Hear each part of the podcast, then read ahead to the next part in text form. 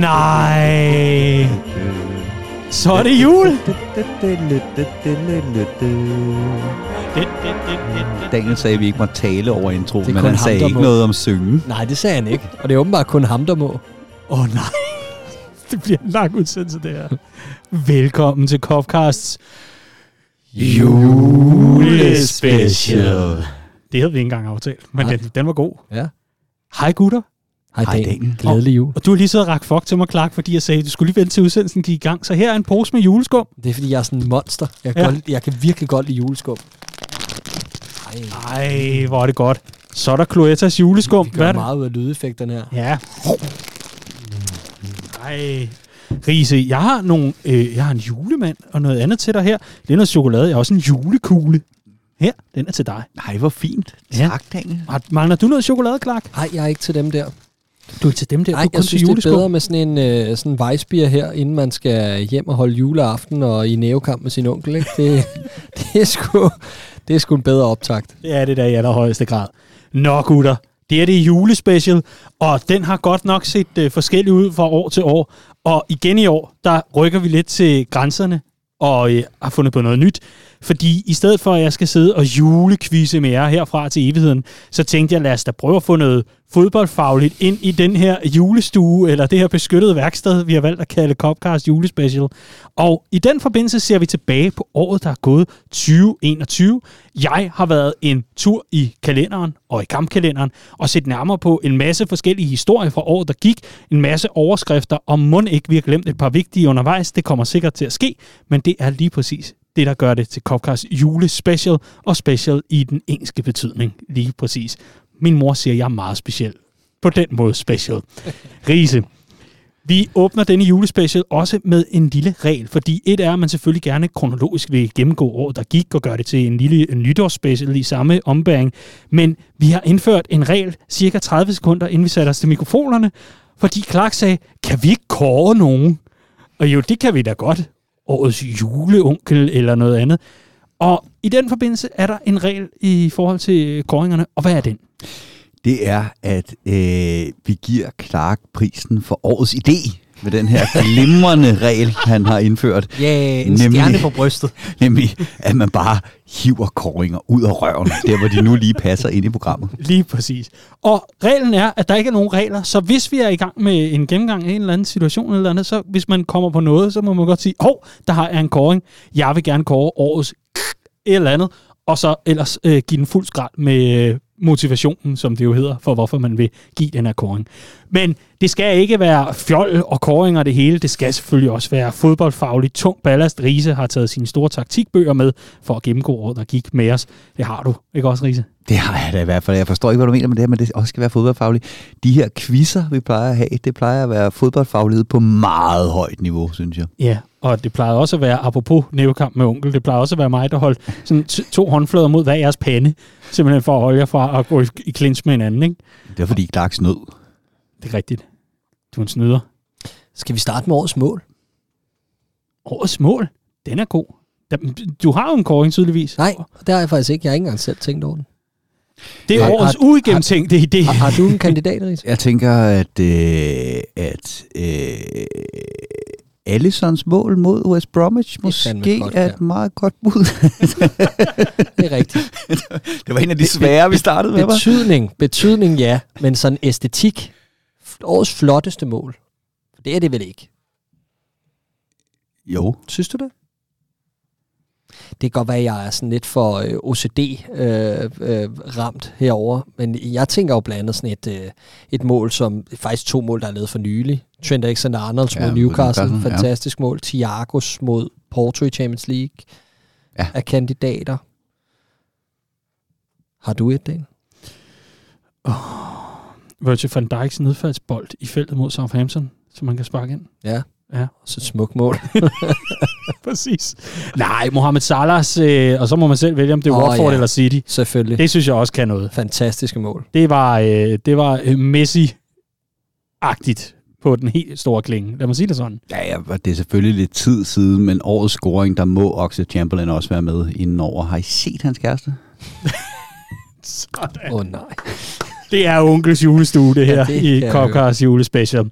I denne udgave af vores julespecial ser vi tilbage på kalenderåret 2021 for Liverpool, der bød på adskillige udfordringer for de røde gutter, men altså også oprejsning. Det er næsten som et eventyr, og øh, vi starter på den helt mørke klinge med den mørke vinter, har jeg skrevet her. For Liverpool taber 8 ud af 12 kampe på den anden side af nytår, altså da vi træder ind i kalenderåret 20. Kæft, hvor er det dårligt. Gigantisk scoringskrise, centerforsvaret kører os helt i bund, og skaderne vælter ind. Glædelig jul og resten i året. Jeg tager en tår med øl. Skål. Skål. For helvede noget lort. Sikkert over. Og nedlukning, kan I huske det? Yeah. Kan I simpelthen huske det der med, at man sidder derhjemme, og du kan ikke engang komme på pop, du kan ikke noget, og blive i din boble og så videre. Og så er det bare, altså, losing på losing på losing på losing. Og Liverpool kan ikke engang score, så man når ikke engang at få den der, det der lille adrenalin-rush over, at, at, at der er blevet sat en, score, øh, en scoring ind. Øh, går vi, hvad, fire fulde kampe på et tidspunkt i Premier League, uden at score det eneste mål? Men det, det er sjovt, du siger fulde kampe, fordi jeg har lidt med den periode, som jeg har det, når jeg kommer hjem fra en Roskilde Festival som regel. Ikke? Øh, snakker med folk, der sådan siger, åh, kan du huske det, hvor vi var op til den der koncert? Og så snakker man om det i 10 minutter, indtil det går op for en, og det var til en helt anden koncert, og til en helt anden Roskilde Festival, og det er jo ikke var Roskilde Festival, men et andet sted i Sverige, ikke? Øh, og og det, det er sådan lidt sådan, det er med den der periode, altså, det, det flød bare sammen for mig. Altså, hele det her pandemishow, og ingenting på stadion, og Liverpool blev med at tabe, og, og det, var, det var faktisk hårdt at komme igennem de der copcars, fordi normalt, altså jeg bliver, jeg bliver 40 lige om lidt, ikke? Jeg har i forvejen svært ved at holde styr på to kampe på en uge, ikke? Altså hvis jeg har set en kamp lørdag, så er den i midtugen ligesom blevet slettet, ikke? Så, kan, jeg, så man nødt til at se highlights, inden vi sætter os til, ja. til mikrofonerne. Her der kunne jeg kunne seriøst ikke huske kampene, når de var slut. Jeg kunne ikke huske, hvad der var sket. Jeg kunne ikke huske, hvem der havde scoret. Jeg kunne kun huske, at Liverpool havde tabt igen. Det er fuldstændig rigtigt. Man, man sad bare tilbage i, i den der boble af Jamen, er der da bare ikke noget, jeg må være glad for i, i tilværelsen lige nu, eller hvad? Hold op, hvor var det en tung tid, mand. Ja, det var det, og det var som om, at bunden var jo gået fuldstændig ud. Det var både i forhold til præstationerne, der blev værre og værre og værre, mere idéløse, og så var det også skadeslisten, der bare blev længere og længere og længere. Man tænkte, slutter det aldrig det her? Husk, at vi kommer ind igennem februar, og vi taber det her Merseyside derby, den her stolte rekord, vi havde mod Everton på et tomt Anfield, hvor Jordan Henderson endelig var ved at finde noget kamprytme igen, øh, bliver skadet i resten af sæsonen, og vi tænkte bare, vi har ikke mere tilbage, nej, og vi taber 2-0 på et tvivlsomt straffespark. Og, øh, men, og det, var, det var i forvejen der, hvor man havde noteret ned, sådan, gør jeg sådan løbende sådan, øh, pop-quizzes om 10 år. Hvad, hvad bliver man mødt med af spørgsmål der? Ikke? Hvem er den eneste manager, der har spillet mod det samme hold to runder i streg, men været manager for to forskellige hold? Mm. Hvem er det? Det må være Dean Smith. Smith. Det er nemlig Dean Smith, ikke? Og der sad man også der sådan, okay, ja, Nat Phillips og Jordan Henderson. Når du får et spørgsmål om, hvem udgjorde centermarkerparet i en eller anden X-kamp i 2021, så er det det, der er svaret. Og så røg Henderson også. Ikke? Altså, ja, præcis. Ja, Fabinho ned og vi karrierer også og går også i stykker, og det efterlader jo klubben i, i lidt af et, et, et, med, med, med lidt af et problem, for Sjøl Matip går også i stykker for resten af sæsonen. Chok, chok, chok. Hvor er det ærgerligt, at jeg ikke har fået installeret den lydeffekt på mit lille board herovre endnu. Men, men øh, det betyder, at Liverpool øh, finder hestekrammerpunkten op af baglommen og går ud og storspanderer. Og der synes jeg simpelthen her, vi skal have kåret årets indkøb. og man må ikke sige kun er til. Hvad siger du, Klang? Øhm, jeg siger huha. Hold kæft, den er svær. Jeg siger også Kabak, men det er fandme marginalt. Men det er jo ikke et køb, det er jo et lejeaftale. Nå, det okay. er jo Ben Davis. Aha, så og det er faktisk derfor, det er årets indkøb, fordi vi hang ikke på ham, som vi gjorde med Ben Davis. så, tror, så tror jeg, skulle jeg sige Peter Luca fra U18. Tafarella op, der også op af en god signing. Men, nej, men, øh, men, men Ben Davis, fordi, hvem er det? Altså, man sad og var så vred og så frustreret og alt muligt andet. Så, oh, men han har da et par gode minutter i preseason. Det har han. Har han, ikke det? Men, det synes jeg. Men det er sådan et røgslør fra klubbens side. Det er sådan, hvem, hvem fanden er det? Sad man så lige pludselig og fokuseret på. Det synes jeg et eller andet sted godt kan, kan nomineres til årets køb, fordi resten var der da fuldstændig ligegyldigt. Men god kåring, Riese. Ja, jamen øh, fremragende. Og der, der er sådan to ting, der står tilbage fra den periode, kan jeg huske. Et, jeg er stadigvæk i chok over, hvor dårligt forberedt Liverpool var til det øh, transfervindue der.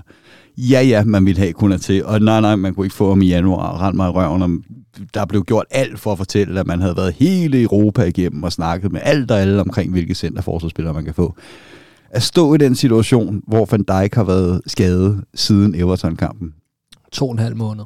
To og en halv måned efter at vente til 31. januar. Tre og en halv måned efter. jeg, præsent, jeg præsenterer. Jamen, jeg ved ikke. Det er ikke engang gør og gokke. Det er heller ikke knold og tot. Det er, det er knold og gokke, ikke? Altså, det er simpelthen... Ej, det, det er det, er den dummeste i, i begge makkerpar sat sammen, ikke? Altså, hold kæft for det håbløst. Men den anden ting er jo så... Hvor, altså, prøv at se, hvor Ozan Kabak er i dag. Har I set ham spille Han fodbold kan for ikke nylig? spille sig på Han- i Norwich. Han er har problemer så med kønne ringe. Prøv at overveje, at vi kvalificerede os til Champions League. Ja, ja, lykke og fra dem. Allison, tak skal du have, og så videre. Med de to nede i midterforsvaret. Altså, Kabak og Phillips, ikke? Øh, ben Davis kunne ikke komme på hold. Så dårlig var han. Men det, det, det synes jeg, altså, når det er her lidt på afstand, så kan man godt være, være relativt stolt af det, synes jeg. Jeg synes, du giver us- usandsynlig meget kredit til Ozan Kabak, fordi det var jo begrænset, hvor meget han egentlig spillede, da vi satte øh, kniven ind til sidst. Ikke? Altså, det mm-hmm. var jo Mhm. Rhys Williams og, og, og Nat Phillips, der bare den der mål. Det er ikke ligefrem meget bedre, vel? Øh, jeg vil gerne kåre årets nærnålsoplevelse. Nær målsoplevelse. Nærnålsoplevelse. Nå ja. Ah, og, og det er lidt det samme. ordspil. Yes. Kan I huske, øh, hvad for et løfte, jeg havde givet? Ja, det, Det kan du redegøre for, Clark. Hvad var det, der skulle ske? Jamen, øh, du havde jo øh, paradoxalt nok lovet, at du ville lade dig tatovere med øh, Nat Phillips hoved på din krop, men ikke hvis han scorede, hvis Rhys Williams scorede. Yes. øh, I øh, sidste runde, mener jeg, mod Crystal Palace øh, på hjemmebane, hvor Liverpool er jo pisket til sejr for at spille sig i Champions League. Øh, forarbejdet var jo ligesom gjort med den her stime, vi havde sat sammen efter Alisson Beckers øh, vidunderlige mål, verdenshistoriens største mål. Øhm, og øh, selvfølgelig vil skæbnen jo, at vi for første gang i øh, otte måneder er tæt på at score på et hjørnespark, og det er vi jo, da, da bolden rører ind til en fuldkommen umarkeret øh, Rhys Williams, der jeg, jeg siger helt seriøst, hvis du tager en statistik over samtlige serieforsvarsspillere i, øh, i Danmark, så havde 78% scoret på den der. Ja. Og han, han sætter bare terningen på og hætter lige over mål, ikke? Den skulle han score på, og så var Daniel blevet tatoveret for første gang. Og, og der vil jeg gerne lige trække i land her. For jeg startede med at give Clark prisen for årets idé, men jeg havde helt glemt alt om det her. Det er, Det er ikke engang løgn. Jeg, Det er husker, ja. jeg husker tydeligt, det, altså, hele min krop forsvandt under mig nærmest. Jeg væltede ned på gulvet i situationen, og samtidig havde jeg altså 200 mennesker på en pop, der altså synkron uh, vender hovedet mod mig i situationen, og kan lige præcis få pulsen tilbage, ja. Da jeg finder ud af, at det ikke er sket. Fordi jeg går altså med det clean look. Jeg, jeg ved ikke, da jeg fandt ud af, at nogen havde fået tatoveret Carpe Diem, så tænkte jeg, Nå, så har jeg ikke noget, jeg gerne vil på kroppen permanent overhovedet. Og derfor var det en, øh, en kæmpe nærnålsoplevelse. Ja. Og en nærmålsoplevelse. ja, ja, præcis. Fantastisk. Fantastisk er det egentlig, at øh, vi går igennem den her øh, halvsæson med så altså få muligheder i den bagkæde, og alligevel formår at få øh, skrabet den her kvalifikation tilbage. Men ja, Jamen, jeg vil egentlig bare lige sige, inden vi går forbi hele den store nedtur der, øh, bagklogskab kan mange ting, og når man kigger på det nu, den her kæmpe scoringskrise, vi var i i januar og februar, hvor meget det egentlig betød for os at få Diogo Jota tilbage, når man kigger tilbage. Fordi han var jo i sig selv ikke fremragende, da han kom tilbage, men det gav os bare lige akkurat den der fornyede, altså den friske energi, vi havde brug for. Det synes jeg, vi har taget med ind, både til afslutningen af sæsonen, der blev vi klart skarpere, men også i den her sæson. Vi har virkelig sådan løftet os, og, og, og ja, det gav Mm. bare noget. ja, det gjorde det. Og du erklærede fronttriven, som vi kendte den, for død, kan jeg huske. Og ja. jeg sad og havde en countdown i en hel halv sæson. Og, og havde jeg lidt ret, Det havde du da. fordi det er jo ikke den fronttrio, Nej. der er den, man omtaler som Liverpools fronttrio længere. Men nu skal vi ned og kigge i de små paragrafer og de små. Det er jo det, jeg kan. Ja. Jeg er jo nødt til at forsvare mig selv her. Det er Altså, rigtigt. Det er rigtigt. Du får ret. Tillykke. tak. Men lad os bare blive enige om, at der er kommet meget godt ud af Herning. Ja, det er der da. Men at Shota måske ikke burde have spillet i den kamp. Og det burde Costa Simikas vel egentlig heller ikke. Fordi sikkert er en venstreback. Og han har for alvor vist sig i det her kalenderår. Nok om det, fordi øh, vi har altså en nedlukning i Storbritannien, som er i fuld gang. I december får vi lige præcis øh, snærten af øh, tilskuere tilbage på The Cup, og øh, så ellers ind i kalenderåret 2021, så er der altså ikke en eneste fan at finde. Det er først hen mod slutningen af sæsonen, at vi igen skal begynde at høre nogle af de her Liverpool-sange galle over, øh, over Anfield, og øh, det er super underligt, og det var i det hele taget bare et kæmpe handicap for, for hele forsæsonen, at vi ikke havde vores fans med os på lægterne. Og det betød også rigtig meget i forhold til resultaterne, eller mangel på samme, i, øh, i de første tre måneder af 2021. Og er det ikke passende at kåre, år, kåre årets lavpunkt her? Jo. Hvad var årets lavpunkt? Ja, der kan vi sidde og tænke. Som sagt, det flyder lidt sammen for mig, helt det der forår. Men øh, Spillemæssigt lavpunkt. vel? Ja. Nej, ja, men også bare sådan resultatmæssigt, og sådan, hvor, hvor følte I, at det var, hvor var det værst? hvad, var, hvad var den sidste kamp, vi taber der på Anfield? 1-0 til Fulham. Det er Fulham, ja. Ja, præcis. Den, Den, øh, den var skidt, ja. den, den tænker jeg øh, er, et, er et godt bud, ikke? Jeg, jeg husker en, øh, en udekamp mod Leicester i midten af februar, hvor at vi øh, egentlig har det i hænderne, en direkte duel om top 4, kan man sige. Vi fører 1-0, og så bliver det bare et shit show af en defensiv præstation, som bare tog mig tilbage til 2012.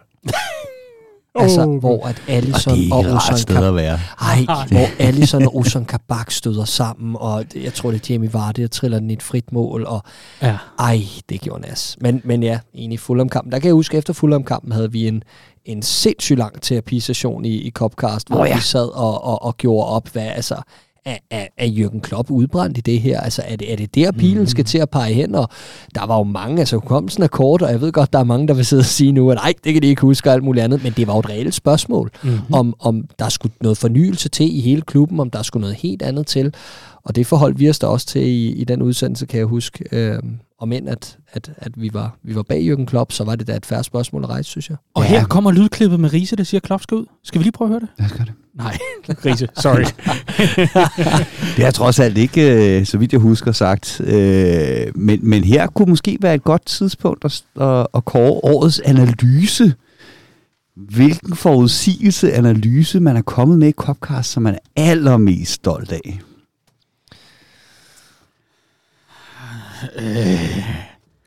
Jeg, hmm. jeg, jeg har rigtig mange, jeg gerne vil fremhæve, som jeg har taget fejl i. Ja, ja. Det var også lidt det, der blev lagt op til. øhm,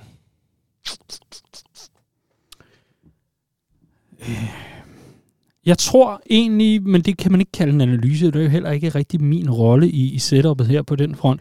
Men jeg tror egentlig, mit forsvar for Thiago øh, undervejs, er det, jeg har været mest stolt af i forhold til forsæsonen og den afslutning, vi, vi kom ind i. I forhold altså, til, at øh, han, det- han, han betalte tilbage mod Newcastle.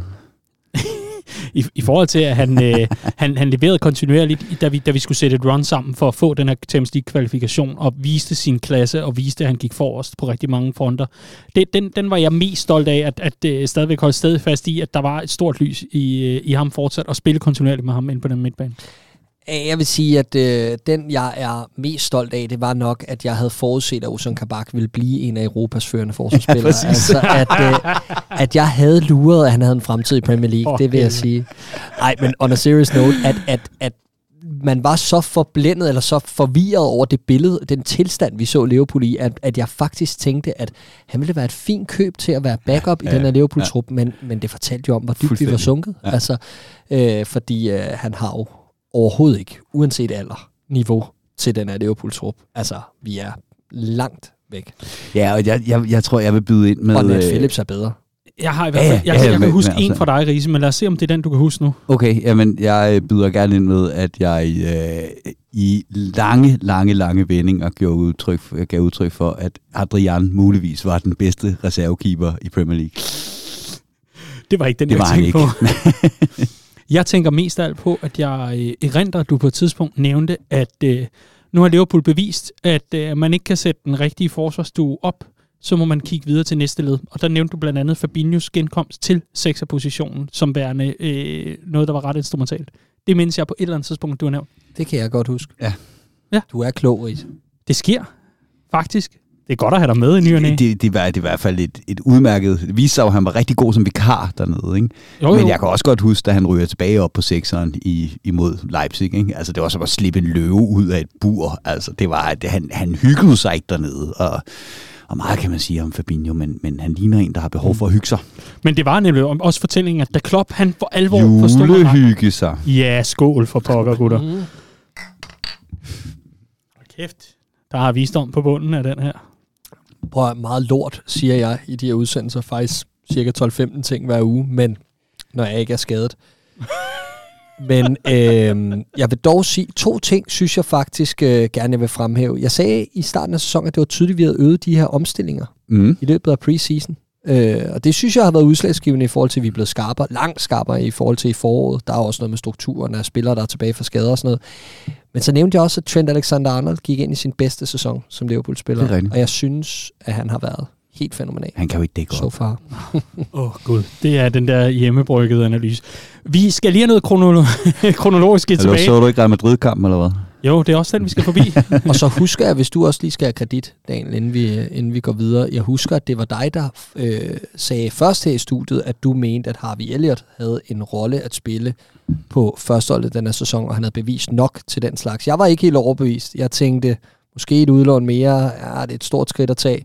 Altså, han gik jo foran alle i køen på nær Fabinho på den her Den, midtbane. den da her tog en helt forkert drejning. Altså, meningen var jo ikke, at vi skulle sidde og rygklappe og rose hinanden for rigtige ting, vi har sagt. Jeg men var, det, jeg der var er jo lavet en disclaimer. Vi Altså, tager fejl hele tiden. ja, ja, men det er også okay en gang imellem lige at sige, at du var god, og mm. så var Jamen, jeg, jeg, også skal, lidt da, god. jeg skal da gerne indrømme, at jeg skrev da et fint indlæg i starten af, af foråret, hvor jeg kaldte uh, Costa Semikas for et af de største fejlkøb i Liverpools historie. Det synes jeg også er en udmærket analyse.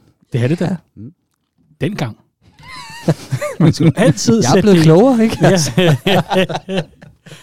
Jeg har taget Evo. Nej, vi, øh, vi skal tilbage til øh, kronologien i udsendelsen her, fordi vi er i allerhøjeste grad på et, øh, et sidespor.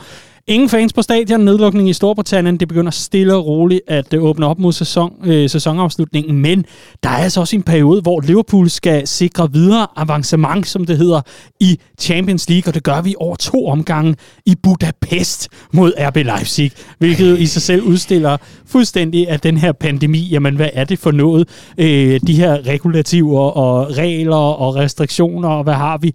Hvor det simpelthen, det var det, var det safe spot Altså- altså, europæisk fodbolds fremtid, det var Budapest og af to omgange. Det var der, hvor 2021 var allermest 2021 for mig. Det var, da Liverpool skulle spille Champions League mod en energidrik i, i, i Ungarn. Budapest. I Budapest. Det var simpelthen, så, så tænkte man, ja, okay, er jeg med i et uh, Salvador Dali-maleri, eller Jeg is have- this the real world?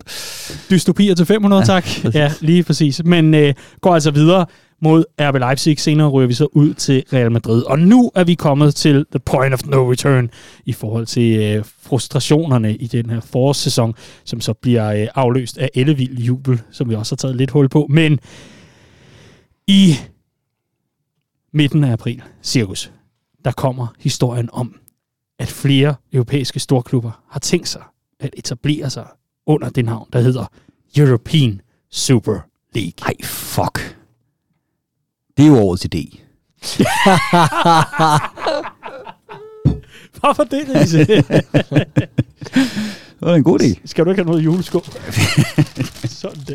Jeg skal også have noget. tak, tak. Ja. Fordi øh, det, er jo, øh, det er jo en historie, der øh, stille og roligt begynder at trille lørdag, og så øh, søndag hen mod aftentid, så øh, begynder den for alvor at rulle. Og mandag er der vist ingen, der er i tvivl om, at nu er helvede ved at bryde løs. I hvert fald blandt fangruerne. Store fanprotester på gader og stræder ude ved stadions og storklubber, der kan mærke presset for alvor fra fans, der er utilfredse med, at man nu vil bryde løs fra det, man kender. At det der med, at man skal gøre sig fortjent til at være med i de store turneringer, jamen det sætter man altså på en eller anden måde fuldstændig ud af spillet, og i stedet for bliver det sådan invitational. Kan du huske dengang, I var gode? Ja, gud, det kan jeg da godt. Lad os da lige mødes til en gang showkamp i det europæiske. The European Super League. Super skandale projekt, og meget, meget upopulært. Og der er jo mange efterfølgende, der prøver at tage lidt æren for, hvad det, øh, kan man sige, der var udslagsgivende for, at det så stille og roligt begyndte at krakelere inden for 48 timer fra mandag til onsdag især.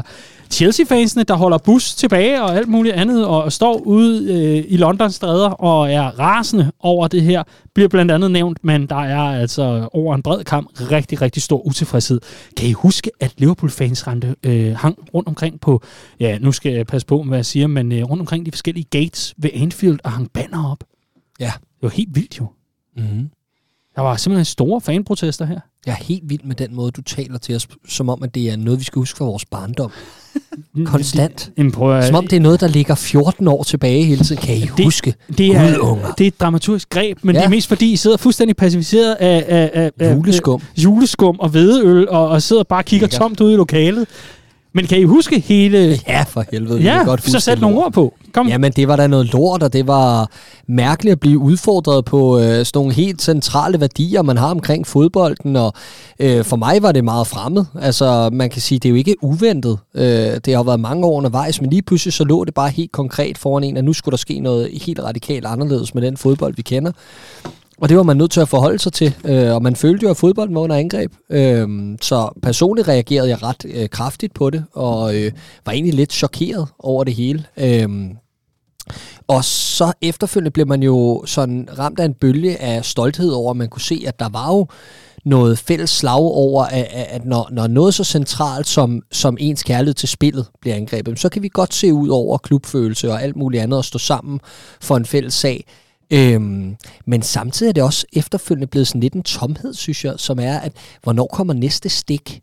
Øh, fra, fra en eller anden organisation eller fra flere flanker, der gerne vil gøre op med det nuværende billede i fodbolden, som jo også er malet af korruption og, og slutrunder i slyngelstater og alt muligt andet. Ikke?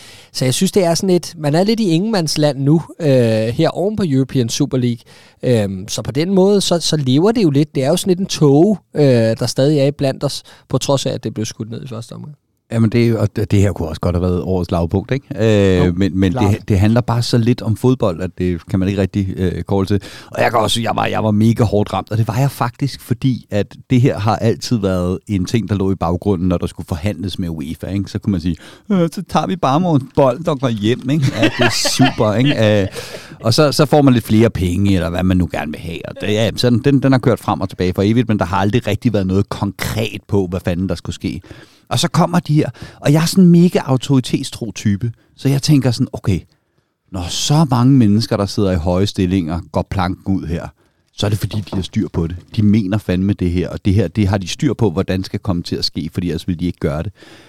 Det var det, altså, det, det, det der med, hvor hurtigt lortet krakelerede. Altså, det var, det var det, der stod tilbage bagefter, det var, hold kæft, en samling amatører. Altså, det var, det var øh, amatørnæsser, mand. Altså, det var, det var helt sindssygt, så hurtigt lortet faldt, øh, faldt fra hinanden, og hvor lidt der, øh, sammenhold der egentlig der var. Ikke? Og det var det, der sådan lidt stod tilbage sådan bagefter, sådan lidt øh, flor om bunden, der nærmest kvalmt, at sammenholdet mellem en masse, masse fodboldfans var stærkere end sammenholdet mellem en samling milliardærer, der bare gerne ville have flere penge til deres øh, 8. jagt, eller hvor meget John Henry nu engang øh, gerne ville op på. Ikke?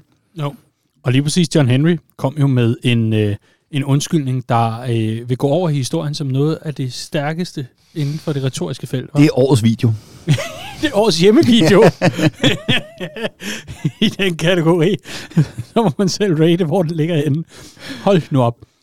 Æh, If I speak, I'm in trouble. vil, vil du sige noget der? Nej, lige præcis ikke. Nå, ah, kom nu. Nej, Har du ikke lidt? nej. Jeg tykker på lidt juleskum. Det var godt. Det har du også brug for. Nom, nom. Men øh, de her, øh, den her utilfredshed og alt det her, det betyder selvfølgelig, at onsdag morgen den 21. april, der offentliggør Liverpools øh, platforme øh, en video fra netop Liverpools ejer, eller FSG-manden John W. Henry, med en undskyldning til klubbens fans for øh, involvering, ikke? Hvad du? Jamen, det var, det var goddommeligt. Det var, hvad, hvad, sad- han sad i sådan en bedemandsforretning eller sådan et eller andet. Ja. Altså, der var sådan liljer i baggrunden, og han sad i sin, øh, sådan, på, som han lignede, Mm, mm, skulle på vej, på vej til på jagt eller sådan et eller andet. Ikke? Altså, hold kæft, mand. Det var, hvad der lige var øh, til rådighed i golfloungen. Ja, det var stærkt. Det var stærkt. Man kunne se teleprompteren i brillerne Jamen, nærmest. det, og det, det, Han jeg var gået ni huller. der var en- lige ind og lave, der var, jeg tror, en video. der, var, der var sådan en, en, en, øh, en podcast øh, i, i kølvandet på det her, hvor der var en, der sagde, jeg tror altid på, at, at helt vildt rige mennesker har styr på det. Fordi hvordan skulle de ellers være blevet så rige? Og når jeg så ser rige mennesker have så lidt fucking styr på det, så tænker jeg, hvorfor er jeg ikke helt vildt rig? Det, det, var, det, det var præcis den fornemmelse, man sad, da man sad og så den der Verden er et fund et sted. video af en mange milliardær, øh, der Apropos sad og sagde, sagde undskyld på den mest kiksede måde i Men verdenshistorien. det er lidt det samme, når folk sidder og hører copcasting, så tænker de, de tre, de må have så meget styr på, de bruger så meget tid på Liverpool. Og så ser man os tage fejl uge efter uge efter uge, ja. synke dybere og dybere, og så tænker man der derude, jeg burde da også lave copcast. Og man har jo ret. Præcis. Det, øh, det, det, det er jo egentlig meget rigtigt. Det minder mig egentlig om det der med, med milliardærerne og så videre. Altså, hvordan internettet efterhånden på sociale medier er sådan ved at blive overplastret af sådan noget, altså motivational quotes og sådan noget, øh, husk, at du misser 100% af de skud, du ikke tager, og så videre. Ikke? Hvad end du det- tænker, at du kan, eller at du ikke kan, så er du ret, Daniel. Det er faktisk Copcast slogan. Kan du se det der blinkende skilt om bagved dig? Det her har været vores motto længe. Nej, men det, det minder mig bare om, om den der sådan, ved du hvad, de der milliardærer, de gør alt for at øh, bringe de der beslutninger, de skal træffe i løbet af en dag, for de skal træffe mange. Dem skærer de ned. Så Mark Zuckerberg, han har en slags t-shirt at vælge imellem, for så behøver han ikke at bruge tankekraft på det. Ok, men det går da skide godt for Metaverse, var. Altså, det er bare ved det der, det er fuldstændig det samme omkring de der milliardærer. Han står faktisk op klokken 4. Okay, lortet ved at gå konkurs, eller hvad? Altså. Og det er fuldstændig det samme her. Der er ikke styr på en skid. Og European Super League er lagt ned for nu, men lad os se, hvornår næste gang kommer. Og i mellemtiden kan vi jo så hygge os med VM hver andet år, og VM i Katar i efteråret 2022. Hvad er moralen i hele det her? Jeg er sgu ked af at sige det, men øh, tak Abramovic. Lad være med at være rig, eventuelt. Ja. Den synes jeg ikke er god. Skål for Ja, skål. Åh, ja. Sagde de nede fra bodegaen. ja, lige præcis. Moralen kan måske være at være klogere end de andre, og det var Liverpool. Efter at man øh, den 2. maj måtte få udskudt sin kamp mod Manchester United på grund af fanprotester ved Old Trafford, hvor United-fansene simpelthen invaderede, som var det 6. januar ved kongressen, så væltede de ind på deres stadion for at være utilfredse og kaste med ting. Og ingen forstod rigtigt, hvorfor de var utilfredse med Glazer og hele efterdønningerne omkring det her. Og de vidste, at hele verden så med den her søndag, og vi på Poppen fik lov til at se altså to sæsoner af Modern Family på Sea, mens vi ventede på at finde ud af, hvad fanden der skulle ske med det her opgør. Men det blev ikke spillet. Og her kommer det der med at være klogere end de andre. For Liverpool prøvede sig igen senere med at finde vej til Old Trafford for at få spillet kampen. Og tager så ikke den bus, heller ikke den bus, men tager den tredje bus og kører til stadion med, og undgår dermed de United-fans, der ude for at prøve at punktere dækkene på spillerbussen og alt muligt andet. Det er fuldstændig sindssyge billeder. Kan I huske dem? Ja. Jamen 100 procent. Og øh, den første protest var jo var der ret meget, meget sympati omkring. Ikke? Og det var netop også det her med, åh, I må ikke bryde ind på privat ejendom. Luk røven. Et fodboldstadion er ikke privat ejendom, fordi fodbold er bare noget andet end alt muligt andet. Ikke? Og det er det, vi ligesom er ved at sætte på plads nu her. Og så fik de her protester den der klassiske, klassiske problem, som, som sådan nogen gør. Man vil gerne være så mange som muligt. Og så vælter det til med folk, der vil alt muligt med den her protest. Ikke? Og står man der som protestarrangør og siger, ej, hvor er det fedt, mand. Vi er en million mennesker. Hvor dejligt. Nå, hvad står der på dit skilt? Mette Frederiksen er et fireben. Mm, ja, jamen, nå, jamen, hvis du lige gider gemme det, og så bare klappe, når jeg siger et eller andet. Ikke? Altså, det er sådan, øh, altså, ja, det, lige pludselig så blev, det, så blev det et spørgsmål, om man skulle, man skulle vælge, hvad budskabet var. er Frederiksen er en fireben. Men ved du ikke, at det er lizard people, der styrer verden? Hun er i hvert fald ikke en mink. det, er jo, det er jo lizard people, der styrer verden, ikke? Ja.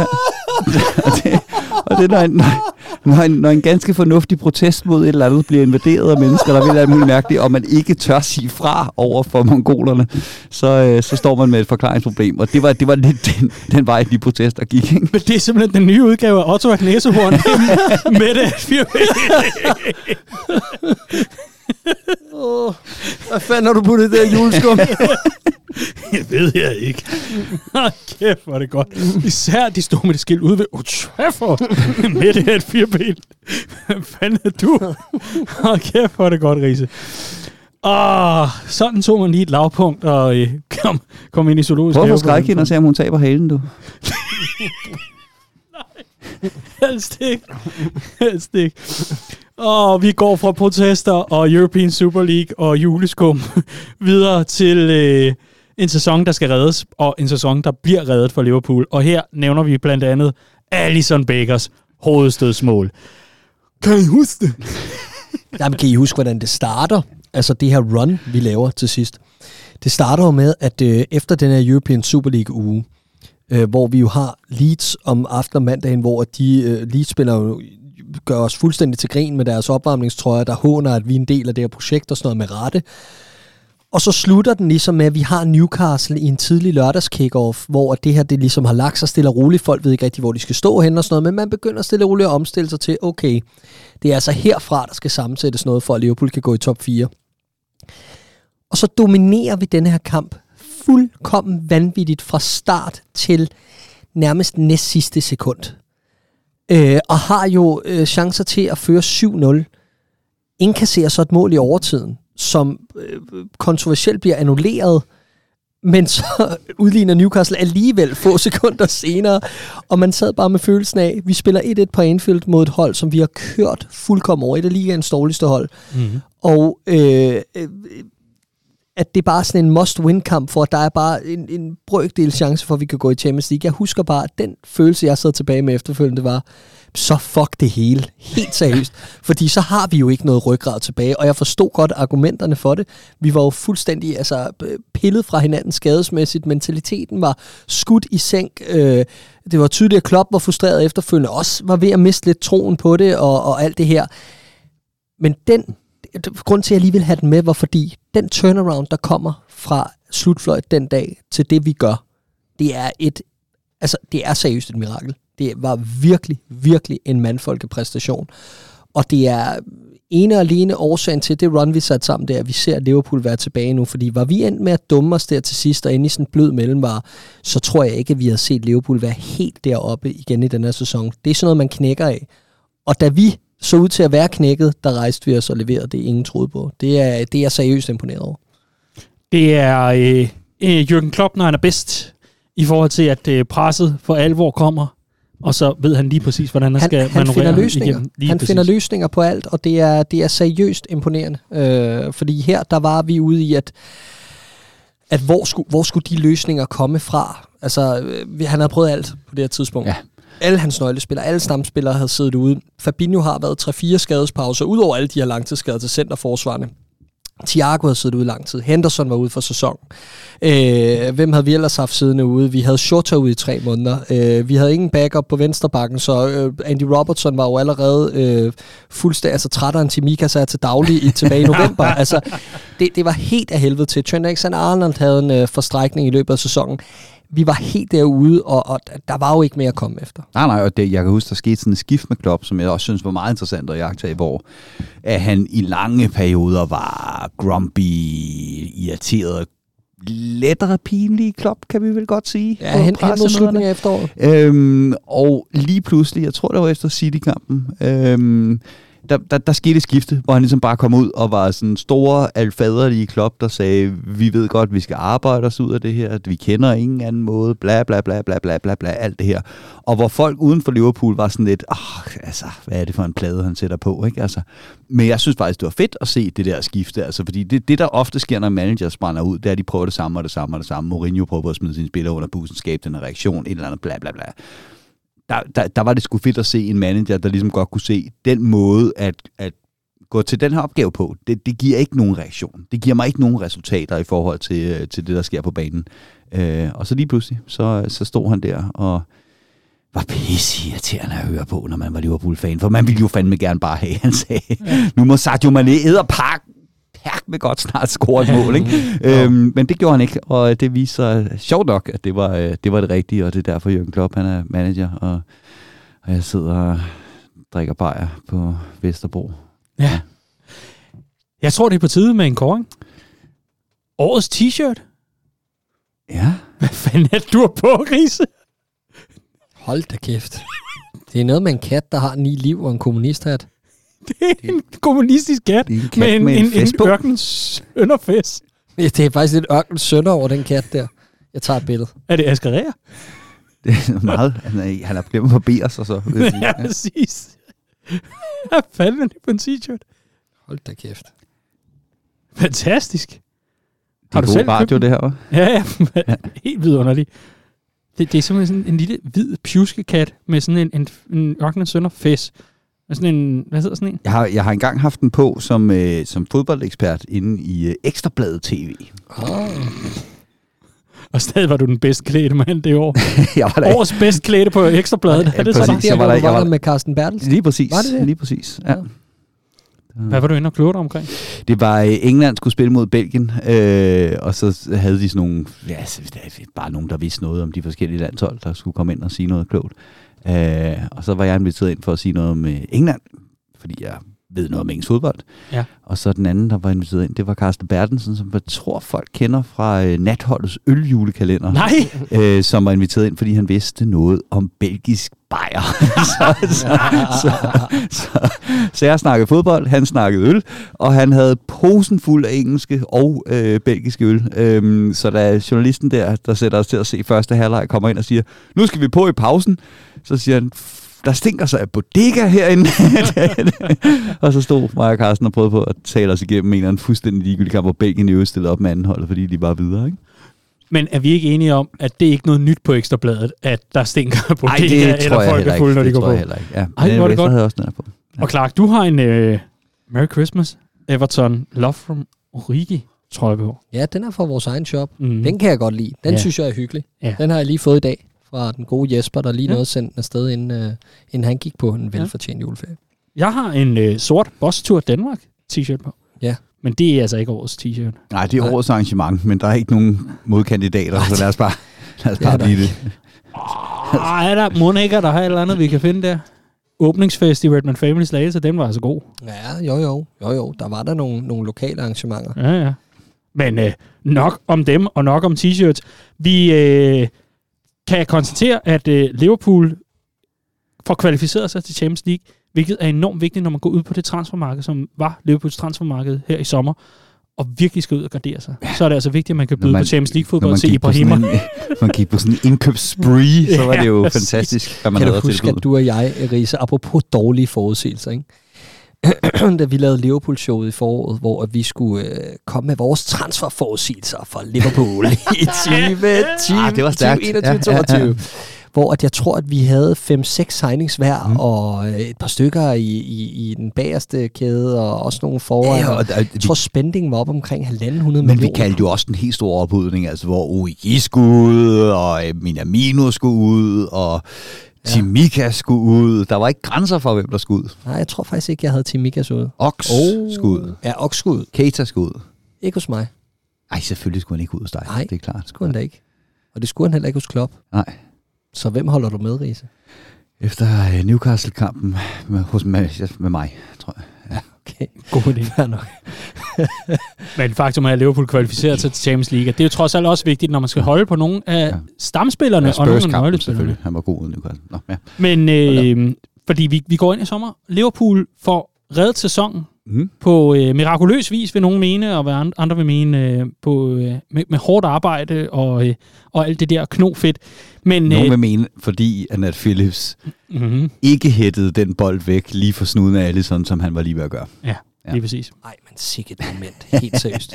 Jamen, det er... Det, Jeg kom, jeg kom jo til i ren jubel med min gode kammerat og medfan Christian Nordenskjold. Øh, vi sad fem mennesker på en pop. Det var lige efter øh, genåbning, så der var jo der var meget få, der kom ud, og især til sådan en West Bromwich Away på en søndag. Og jeg tror, vi sad fem mennesker, øh, og, og den, var ved at, den var ved at dø til sidst. Ja, du var der også, Daniel. Mhm. Mm-hmm. Gud, ja, det er da rigtigt. Nej, men, øh, men jeg sad ved siden af Christian, og så øh, kommer jeg til i ren eufori at tænde mit øh, pulsur undervejs. det er rigtigt. Og he- helt seriøst, jeg kan huske, at lige efter, der kigger jeg for at se, jeg ved ikke, om jeg ser klokken var det, bare sådan en refleks kigger på mit ur, lige da vi er blevet færdige med den der jubelscene, og der er gået 4 minutter og 45 sekunder. Altså ren eufori og skrig og skrål i 4 minutter og 45 sekunder straight, og med en gennemsnitspuls på 160. det, er, det var ikke for børn, det der. Hold kæft et øjeblik. mand. jeg endte op på bordet. Ja, no wonder.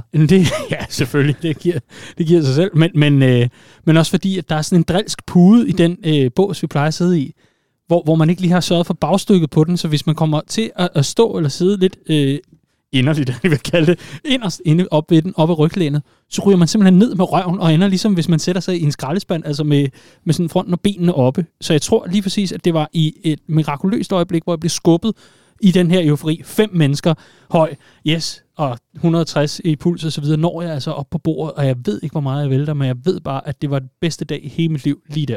Ja, 100 Hold procent. kæft, en vidunderlig måde. Også bare, igen, kontraster, ikke? Hold kæft, mand. Hvor havde man hungret efter sådan et øjeblik, Ja. ikke? Tomme tribuner hele året, skuffelse på skuffelse, nedlukning, ensomhed, røvsyghed. Altså, det var bare, ej, hvor var det tiltrængt, mand. Og hvor var det, hvor, det føltes bare så fortjent, efter det havde været så meget stolpe ud hele sæsonen, ikke? Og man har simpelthen kæmpet og kæmpet kæmpet for at holde sig sådan nogenlunde sane, altså op, op, i, Mm. op, i, op i hovedet, ikke? Og var, var, ved, var ved at starte en footballmanager gemmer med MTK Budapest for at få tiden til at gå, og sådan nogle vanvittige ting, ikke? Det er jo det, det er en skidegod gemmer. Jeg har lige startet en ny i, øh, i FM22. Det er en anden historie. Øh, men det, der også var smukt ved det her, det var, det var total forløsning på den måde, at det, som det også havde budt på, det her øh, coronanedlukning, var, øh, Allison havde mistet sin far, kunne ikke komme hjem til begravelsen. Præcis. Klopp havde mistet sin mor, kunne ikke komme hjem til begravelsen. Det føltes som om, at, at fodbold var totalt ligegyldigt. Der var alt muligt udenom, der gjorde, at, at fodbold blev mere og mere fjernt for en. Ikke? Og, og, og som vi snakker om det, man var Klopp ved at give op, og man kunne fandme godt forstå om, hvis det var, fordi hvad fanden skulle manden gøre ved det? Altså, der var så mange faktorer, som han aldrig havde regnet med, at han skulle tage højde for som Liverpool-manager, og som han lige pludselig skulle tage højde for, fordi the show must go on af en eller anden grund. At det lige var Allison, der fik lov til at, øh, at hætte den derind. Ja. Det var så smuk en krølle med, øh, med slange på, ikke? Yes. 100 procent. Og prøv at høre, med det en koring af årets interview, som selvfølgelig var hans postmatch interview ja. efter den scoring der. Hold kæft, hvor var det rørende, mand. Så mange floskler, man skal høre på normalt, og det ene og det andet, og det bliver fandme mere og mere mekanisk, det show der, når spillerne stiller op både pre- og post-match, men det der interview, hold kæft, hvor var det hjertevarmt, og hvor var det bare, uha, ja, Jeg tror, der, der, der er fandme smukt. en anden kandidat til ja. den pris.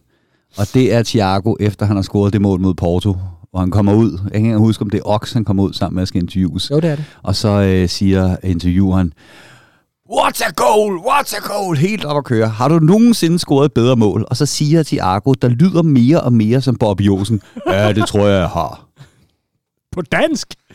Flydende dansk. På flydende dansk. Jeg ved ikke, hvad der skete. Altså, det er derfor, det... Øh, ja. Ej, men, ja. I think I have. det, er.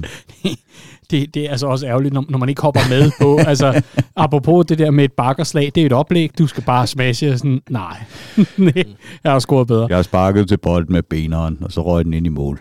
i måleren. Liverpool får reddet øh, sæsonen. Champions League er sikret. Ibrahima Konaté kommer til.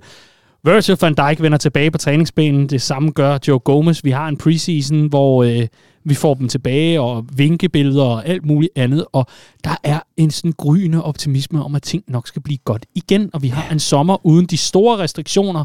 Ikke sådan alvorligt herhjemme i Danmark. Så det begynder også at lugte af noget. Og ja, i det hele taget begynder det bare solen at skinne for alvor, og, og Liverpool forlænger med rigtig mange nøglespillere i, øh, i løbet af det her transfervindue. Det bliver vores signings, så at sige, for det her vindue, og for øh, altså, øh, tilknyttet flere og flere spillere. Der er stadig et par huller, i hvert fald i talende stund, i forhold til, til Liverpool, og, og det er ræs med kontrakter. Er Men, Og jeg, jeg elsker, at du på den her måde lægger op til med håb til pausen, så folk bliver hængende til den anden side. er det her? Det, det, her- det er sådan sagt på en anden måde, Riese, jeg skal tisse.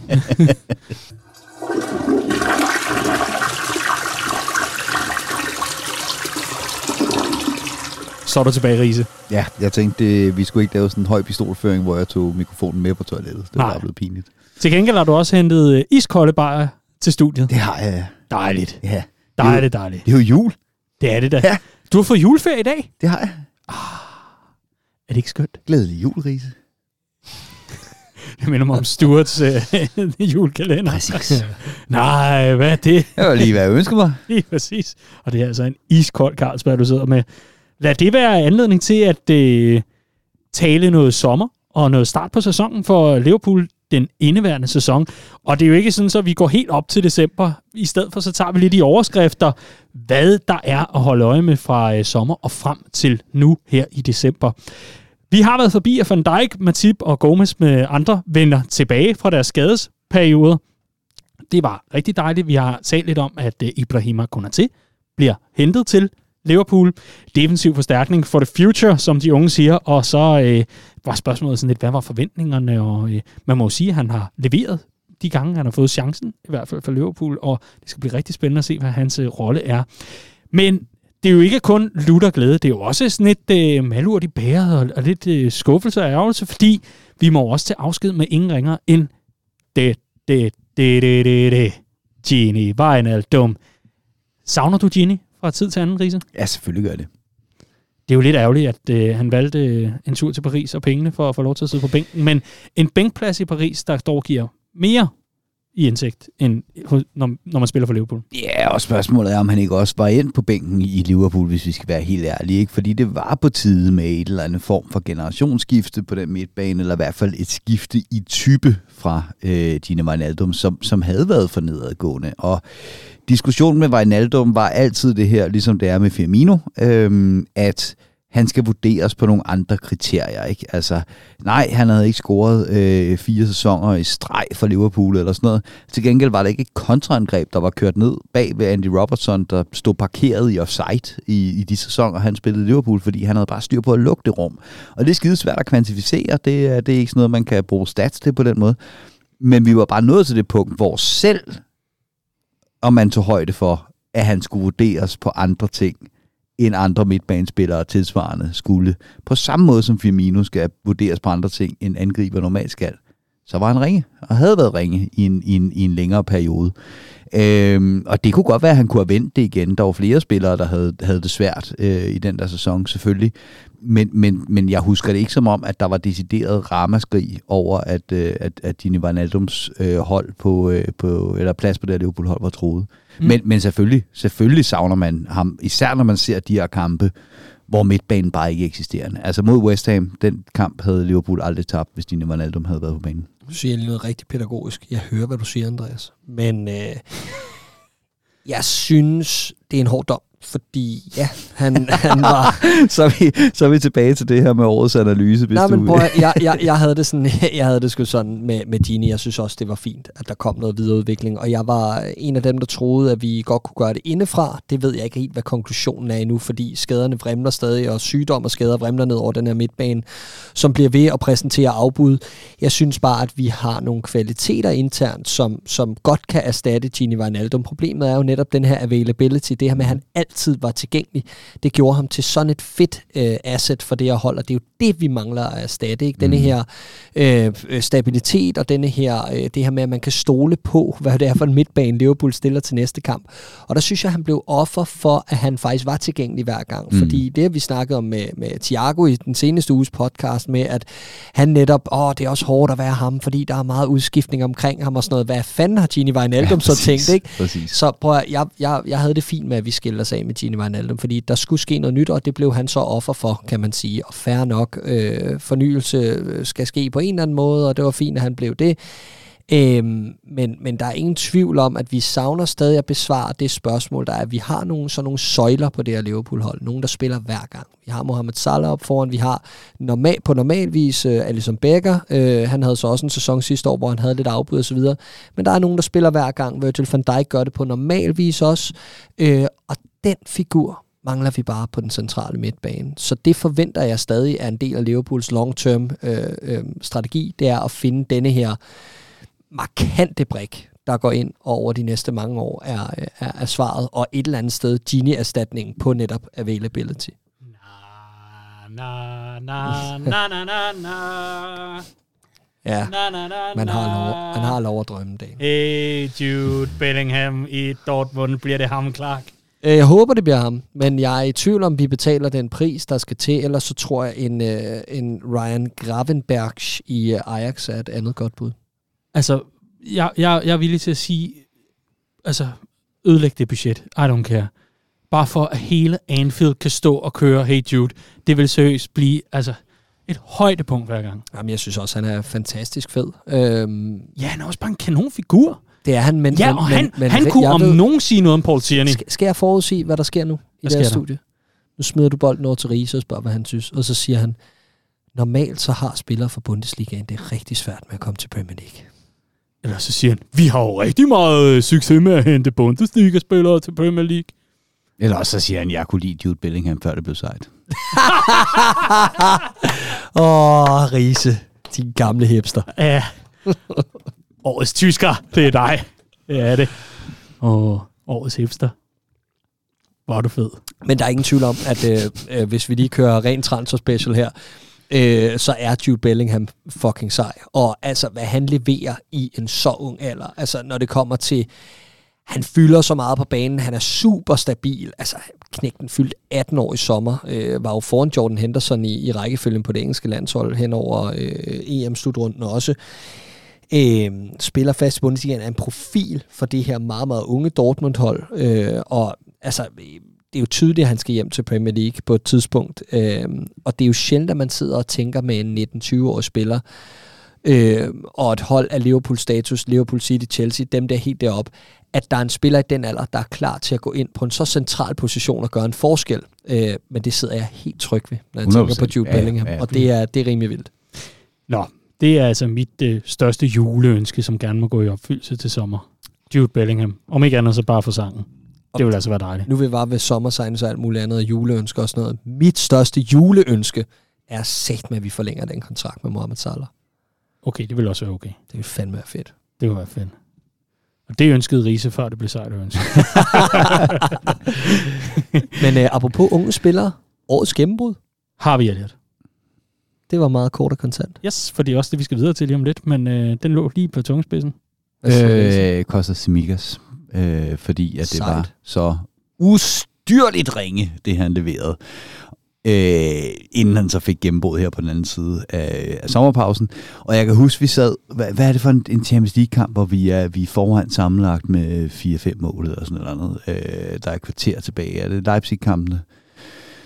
Ja, hvor vi fører 4-0 Øhm, sammen, ja, må det være. præcis. Og, og, og Andy Robertson er dead on his feet. Klopp har fem indskiftninger, og Kostas Semikas bliver stadig ikke skiftet ind. Og den eneste konklusion, man kunne nå frem til, det var, at Klopp troede på, at Kostas Semikas skulle koste fem mål på et kvarter. Derfra og så til det, vi ser nu, der er, der er meget, meget langt, og det er godt vendt, godt taget, godt skuldret, godt klart. Det lød som en, der lå lige til, og jeg havde også længe tænkt, har vi det så kostet Simikas er et godt bud. Jeg synes faktisk, det er Nat Phillips.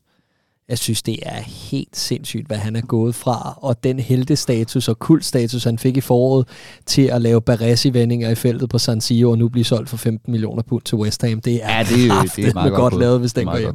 Ja, den er- den er, den er også god til. Lad mig, lad mig, lad mig sige det sådan.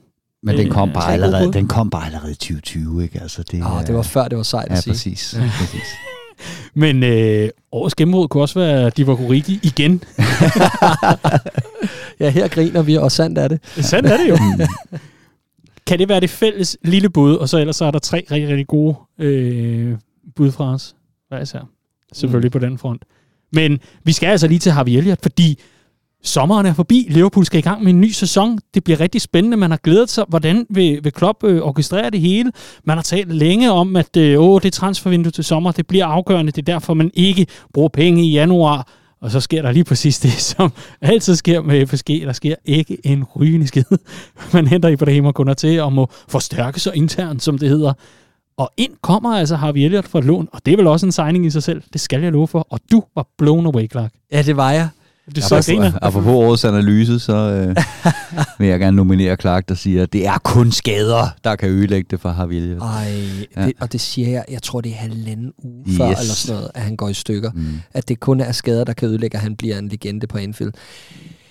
Øhm, jeg, jeg havde sådan en ting med Coutinho. Øhm, elskede Coutinho. Øh, og, Før det var sejt. Ja, før det var sejt. Nej, men fra, fra day one, fordi vi havde ikke haft en spiller som ham i mange år, kan jeg huske. Han bragte sådan en fantasi og sådan en rigtig brasiliansk Mm. typisk spilleglæde ned over det her hold, som til tider var sørgeligt og ustabilt og alt muligt andet i store perioder, øh, før Klopp kom til. Ikke? Øhm, og jeg elskede ham så højt. og Jeg kan huske, at jeg engang jeg havde sådan, en, jeg havde sådan en, en drøm om, jeg ville så gerne bare have en, en søndag eftermiddag, søndag eftermiddag, forårsdag, 15 grader, ned på græsplænen sammen med Coutinho, 5 timer og en plastikbold, og bare gå og hygge mig. Det synes jeg kunne være så hyggeligt. Dåse, soda, vand og bare spille fodbold med Coutinho så havde jeg sådan en drøm forleden. det var vildt underligt. Øh, fordi det var det andet jo slet ikke. Men øh, jeg drømte, at jeg var venner med Harvey Elliott. Og det var det bedste.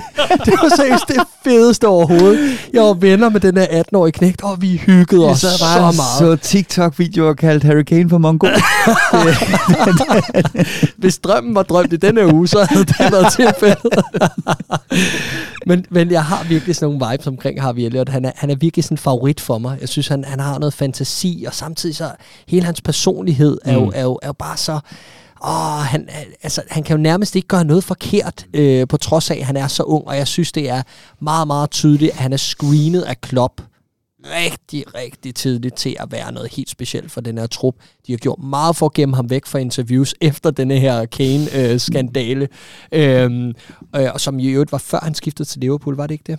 Jeg tror, det var i slutningen af hans Fulham. Ja, det var et gammelt klip, der kom frem. Ja, lige præcis. Ja, men det, det er sådan noget, er jeg har fundet noget smus på din ja, Arthur-profil. Ja, ja, ja, det er sådan noget, var 15 år, ikke? Og, men, det, ja, og, og, jeg er enig, fordi der er virkelig mange fede ting ved ham her. Altså blandt andet, da han, så ind, da han kommer til skade, og det er en slem, slem skade, altså forfærdeligt øh, at, at, at, kigge på. Ikke? Det var sådan årets kig væk øjeblik. Øh, og da han så kommer på hospitalet, og så der ligger en lille dreng, der er Liverpool-fan ved siden af, han har overskud til at give ham trøjen og, og sine støvler og det her. Der er sådan noget øh, enormt modent øh, og, og, og ærkeprofessionelt over ham. Og der synes jeg, at vi skal øh, huske at øh, pointere, vi bliver ofte, vi har ofte den her snak om, hvornår der er egentlig en Liverpool-spiller, der er kommet stærkere tilbage fra et udlån.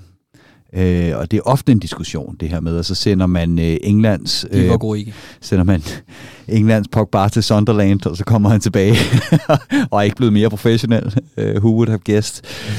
uh, Ovi Jardia. Um, og, og der har vi gud været mange udlånte spillere, Liverpool-spillere, der kommer tilbage, og ikke har kunne gøre nogen forskel. Um, men her, der synes jeg faktisk, at det der Blackburn-udlån var enormt godt set, og enormt godt lavet, og præcis hvad har vi havde brug for, for at tage det skridt op at tage det lige fra en, fra en, øh, en, en mand her, som øh, på trods af, at han er 12 år ældre end Harvey Elliott, har en lidt sammenlignende situation sidste uge. Jeg flår jo min skulder af led fuldstændig ja, dramatisk det, det, til en fodboldtræning. Ja, ja.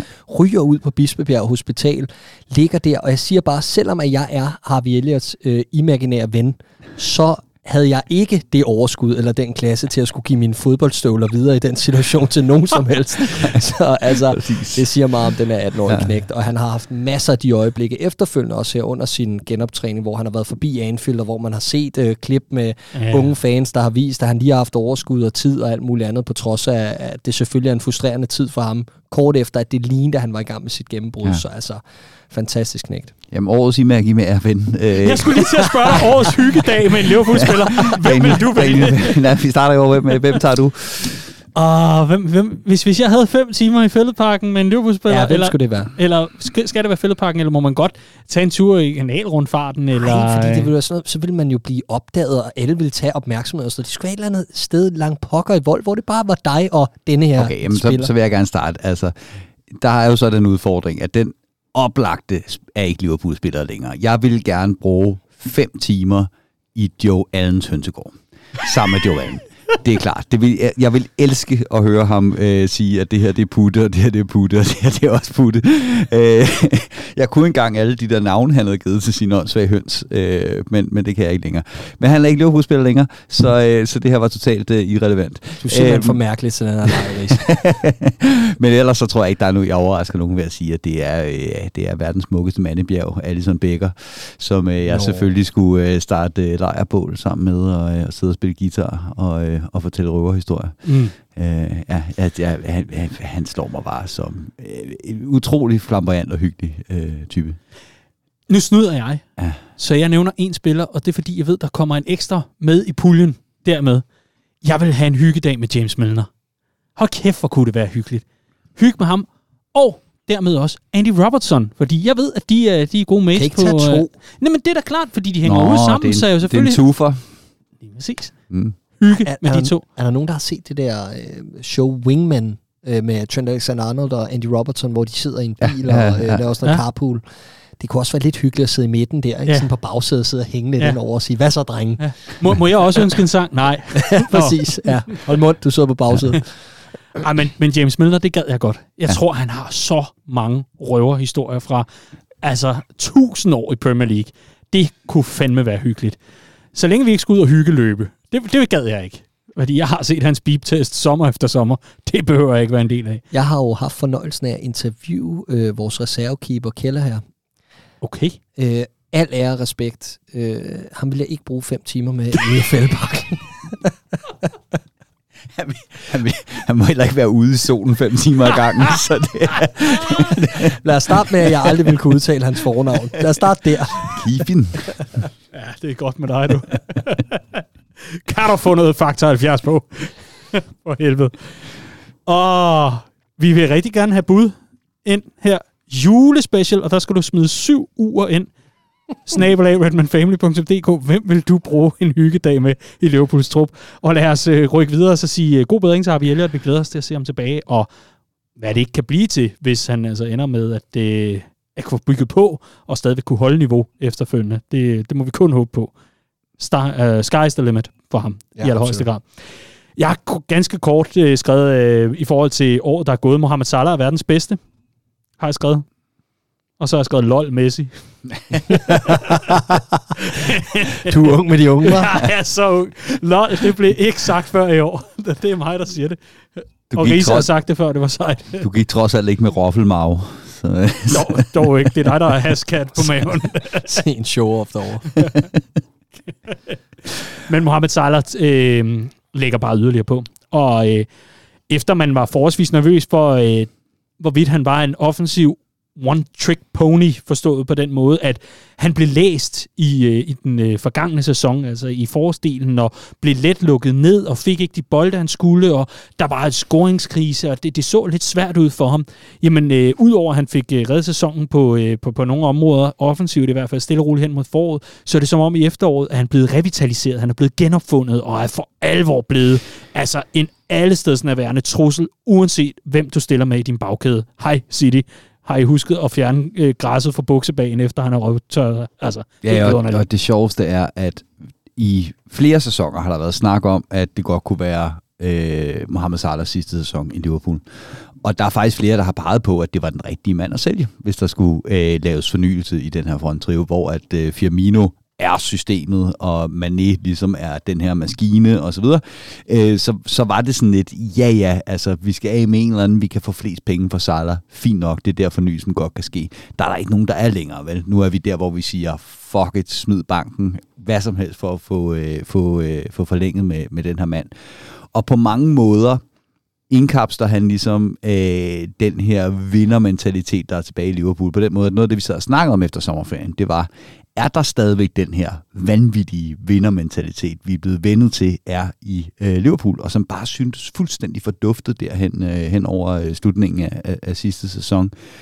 Øhm, og jeg kan huske, at Gary Neville siger i starten af sæsonen, øhm, der, der er en anden følelse omkring Liverpool nu. Altså det, mm. det, Liverpool er slet ikke det her hold længere, og det er de ikke, fordi de lever så meget af, at der er den her aura af uovervindelighed omkring dem, og den er bare væk nu. Altså Anfield er ikke et sted, man går ind og er bange for at komme til længere. Og det havde han for så vidt ret i. det jeg hele tiden sagde til ham, det var øh, sådan inde i mit eget hoved. Jeg har ikke brugt fem timer sammen med Gary Neville. Det kunne Clark godt tænke sig. Det er ikke et øjeblik Jamen, det gør han hver mandag. Øhm, men, men, øh, men, men, men det jeg hele tiden tænkte, det var, det du mærker lige nu, det er forbehold. Ikke? Altså vi stod efter en sæson, hvor vi tænkte, okay, hvis det her skal blive rigtig godt, så skal vi undgå skader, vi skal have Van Dijk tilbage, vi skal have Mané, Firmino, Robertson, og måske endda en mere op i niveau i forhold til, hvad de var sidste sæson. Det vil sige, det var ikke bare sådan en sæson, hvor vi gik ind og tænkte, åh, hvis vi kan undgå skader, kan vi spille med mesterskabet. Der var også nogen, der skulle løfte deres niveau. Så det var lige pludselig mange forbehold, man skulle tage for at kunne se Liverpool spille mere om mesterskabet. Og der var bare en lang periode, hvor Mohamed Salah han gik ind og var manden, der sagde, ved du hvad, fuck it. det her, den her vindermentalitet, den er ikke død. Jeg bærer den igennem. Ikke? Altså, mm. vi var et one-man-team. I lang, altså i starten af den her sæson var vi.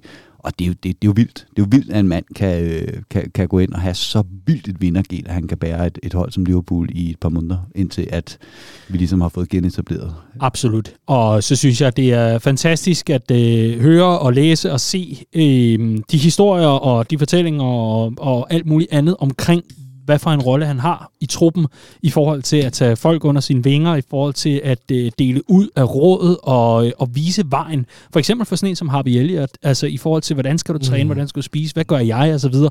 Og Salah er bare et forbillede på mange måder, på, på den led, hvor James Milner jo også er det og så videre. Det er fedt at have så mange ledertyper, og det er fedt, at Salah er det lidt på sin egen måde. Det jeg, kan jeg godt lide. Jeg synes, det er fedt at se lige præcis det der for en spiller, der har så meget talent, så det ikke bliver forspildt på, at Nå, men nu har jeg nået det her og sådan noget. Det er også en status, der er fin nok. Og så, jeg synes, der er mange, der kommer op til overfladen, og så forsvinder igen. Det er jo en spiller, der er så dedikeret til sin karriere. Jeg synes, det han har bevist over det sidste år, vi vidste jo godt, hvad han kunne præsentere af, af, af slutprodukt. Han er, han er en, en, en goal machine, ikke? Og, og er, er super meget tilgængelig at gå op i, i sin fysik og sådan noget. Jeg synes simpelthen bare lige, at han har kørt bilen op i det næste gear. Ikke? Så det, vi har fået bevist over det sidste år, er for mig, at han har mentaliteten og kvaliteten til at levere eller en og ejer sammenligne Cristiano Ronaldo til han er øh, i sin slut 30'er, fordi det er også det, vi ser hos mange af de moderne offensivspillere, især, især spidsangriber. Der er mange, der, der først topper i midt 30'erne og sådan noget. Øh, men han har, han har dedikation, han har viljen, han har tændingen, han har alt det her, der skal til for at blive en af dem, der, der virkelig øh, banker på, indtil han er, han er langt op i sine 30'er. Og derfor synes jeg, at det er en no-brainer at forlænge med ham. For havde vi stået i samme situation for et år siden, så var jeg ikke helt sikker. På trods af, at hans slutprodukt stadig var fuldstændig fantastisk. Så hvis det var de her lønkrav og de her ting, vi snakker om, så ville jeg sidde med den frygt, okay, ja, hans første sæson var helt utrolig, så han leverede på et lidt andet niveau efterfølgende. Nu har han altså rykket den helt op på sin debutsæsons niveau, øh, øh, hvad hedder det, målscoringsmæssigt og assistmæssigt. Men spillemæssigt er han jo bedre, end han nogensinde har været oven i det. Så der er ingen tvivl. Det er jo sjældent, du sidder i december måned, øh, og, og ingen gang halvvejs i Premier League-sæson, og du ved, hvem der bliver øh, årsspiller i Premier League. Der er ingen som helst tvivl om, at Mohamed Salah bliver årsspiller i Premier League. Mm. Ingen. Nej. Man kan bare se på hans øh, engagement i forhold til den årlige bordtennisturnering i preseason. Altså, det er en, Tre dobbelt vinder, ikke? Ja, han vil gøre alt for at vinde. Var han ikke op mod Keller? Eller spillede han med jeg ham? Kan, jeg kan ikke huske, det var, en, var det ikke en dobbelt? Jeg tror, det er en dobbelt, de spiller, ja. ikke? Er det ikke det? Ja.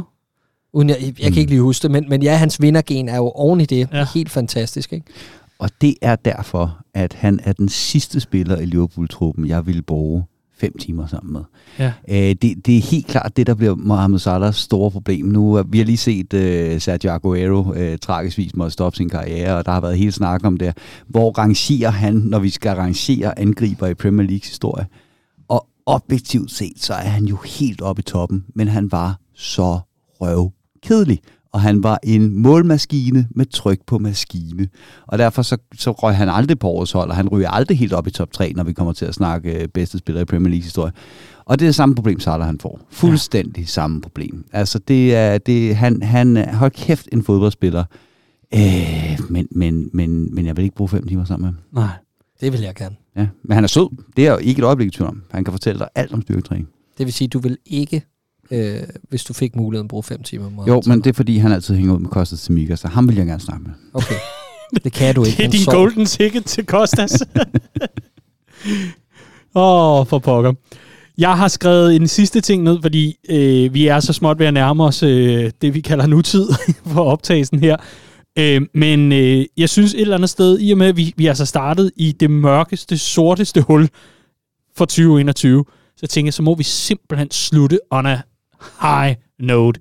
The highest note there's ever been. 5-0 udradering mod Manchester United. Hold kæft! En god dag! Ja, det var godt! Ja, for helvede! Hvor var det bare godt. Det var som om, altså, alle ar, alle riser, alle skrammer, alting forsvandt fra huden. Alt var godt. Hjertet slog igen. Naby Keita toppet. Alt kunne ske. Toppet. Alt kunne ske. Det var... Pogba, den skider ikke for direkte rødt. Hej. Ses, kammerat. Det var totalt magisk. Men, men det, der, det, der til gengæld er sjovt ved den der, det er, hvis jeg skulle sådan kåre årets højdepunkt, så ville en etmålssejr over West Bromwich ligge højere end en femmålssejr over Manchester United. Fordi det var, det var jo den perfekte kirsebær på banterkagen. Men hold kæft, hvor var de elendige. Man var ikke overrasket over, at Liverpool vandt 5-0 over Manchester United.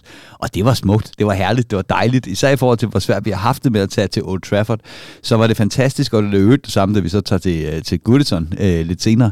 Fantastisk det der med at have den der følelse af, bør jeg egentlig føle så sikkert nede i maven, at vi kommer til at rive Manchester United et andet røvhul på Old Trafford.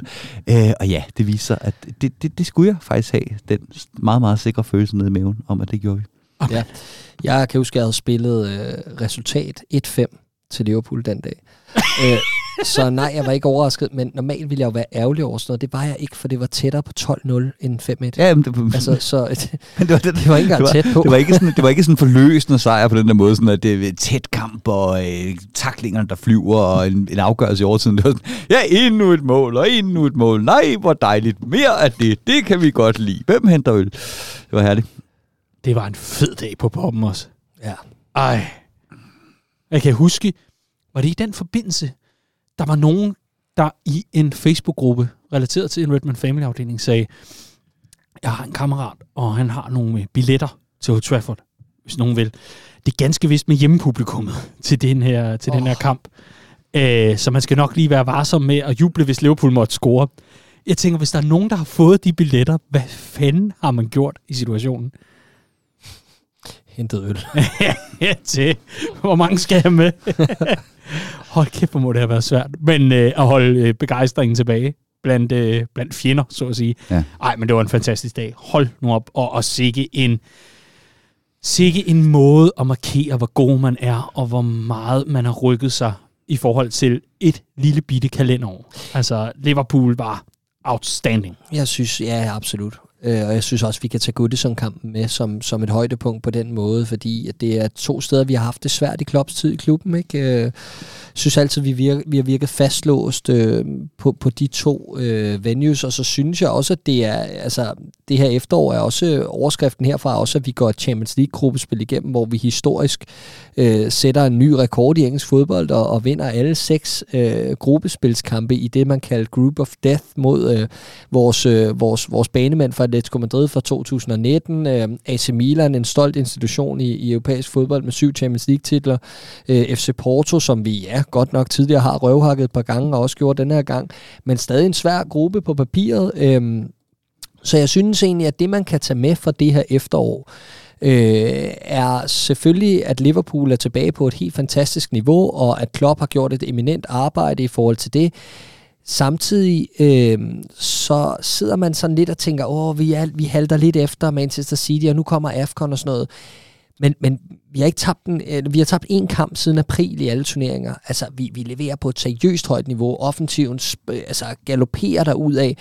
Og så synes jeg, det stinker lidt af, at det er sådan en sæson, hvor der er nogle seriøse søjler. Altså, der er sådan nogle, man, sådan nogle øh, milepæle og højdepunkter, vi kommer til at kigge tilbage på hvor jeg synes, at i nogle af de andre sæsoner, for eksempel den mesterskabssæson, vi havde, der var det mere bare den der steady maskine, der mm. kørte derud af.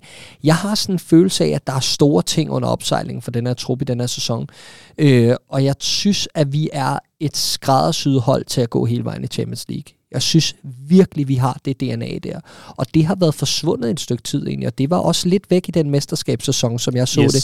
Så jeg kan faktisk bedre kende det her Liverpool-hold, hmm. end jeg måske kunne hen mod slutningen af den mesterskabssæson. Det ved jeg ikke, hvad man skal tage ud af det, men, men det synes jeg bare er interessant, og jeg synes faktisk, det er muligvis er det mest underholdende, vi har set Liverpool overhovedet, det vi ser nu. Ja, altså, som jeg sagde i årets analyse i forrige Copcast, øh, så... Øh, så, så et, et, Liverpool skal forbedre sig på andre parametre end at købe ind, fordi ja, ja, vi har købt i Brahima Konate, og det er, det er dejligt, og han viser sig heldigvis efterhånden at være ganske udmærket indkøb, ikke spillet helt endnu. Men det her med at kunne gå ubesvaret igennem, øh, eller vinde alle seks gruppekampe, hvor vi tidligere havde, har brug for en Allison-redning i sidste øjeblik mod Napoli. Det her med at kunne tage til udebaner øh, mod rivalerne, hvor vi tidligere har, har, har choket, selvom vi var klart det bedste hold, og bare smadrer øh, United Everton. Det viser, at der er noget mentalt, der har rykket sig på det her Liverpool-hold. I den, I den positive retning på et i forvejen mentalt stærkt Liverpool-hold, og det skal man fandme give, give credit for. Ikke? Øhm, og så er, der, så er der hele det her med, altså, jeg, jeg, jeg apropos glimrende analyser, sagde jeg, at jeg ville sindssygt gerne have Dusan Blahovic fra øh, Fiorentina, da vi snakkede nye spillere. Fordi jeg synes, vi var nået til vejs ende i forhold til det her med bare at spille hurtigt langs jorden og gerne ville score Manchester City's mål, men ikke have spillerne til at kunne score Manchester City's mål. Når vi har en bak, der står og slår 80 dybe indlæg i Trent Alexander-Arnold per, øh, per kamp, så er vi nødt til at have en lidt større spiller derinde. Han skal også kunne noget med fødderne, men, men vi er nødt til at have en lidt større spiller derinde vi har vel aldrig været bedre til at spille os frem til chancer i det lille felt langs jorden, end vi er lige nu, med øh, Diogo Jota som, øh, som, som falsk nier, fordi han er så god til at komme derind, ikke? og så scorer han så også de her hovedstødsmål på den måde, han nu gør det, og så videre. Ikke? Men, men jeg synes eddermame, at der er det skal anerkendes, at, at der er blevet lagt noget på på det her Liverpool-hold, også selvom at vi selvfølgelig også har de udfordringer, der nu engang er. Mm. Det er, det er ganske rammende, lad mig sige det sådan. Det er det, og, og i, en, i en coronapandemi, hvor det, penge har været et stort problem, eller et stort samtaleemne omkring Liverpool og vores transferaktivitet, så er det også vigtigt at tage med, hvorfor spillede Diogo Jota og Kostas Tsimikas og alt det har vi joket med tidligere, hvorfor spillede de den her Champions League-kamp i Herning i slutningen af 2020? Det gjorde de jo, fordi der var vigtige præmiepenge på spil. Jeg er med på situationen, at anden nu tilskuer tilbage på stadion og alt muligt andet, men de her præmiepenge spiller altså ind.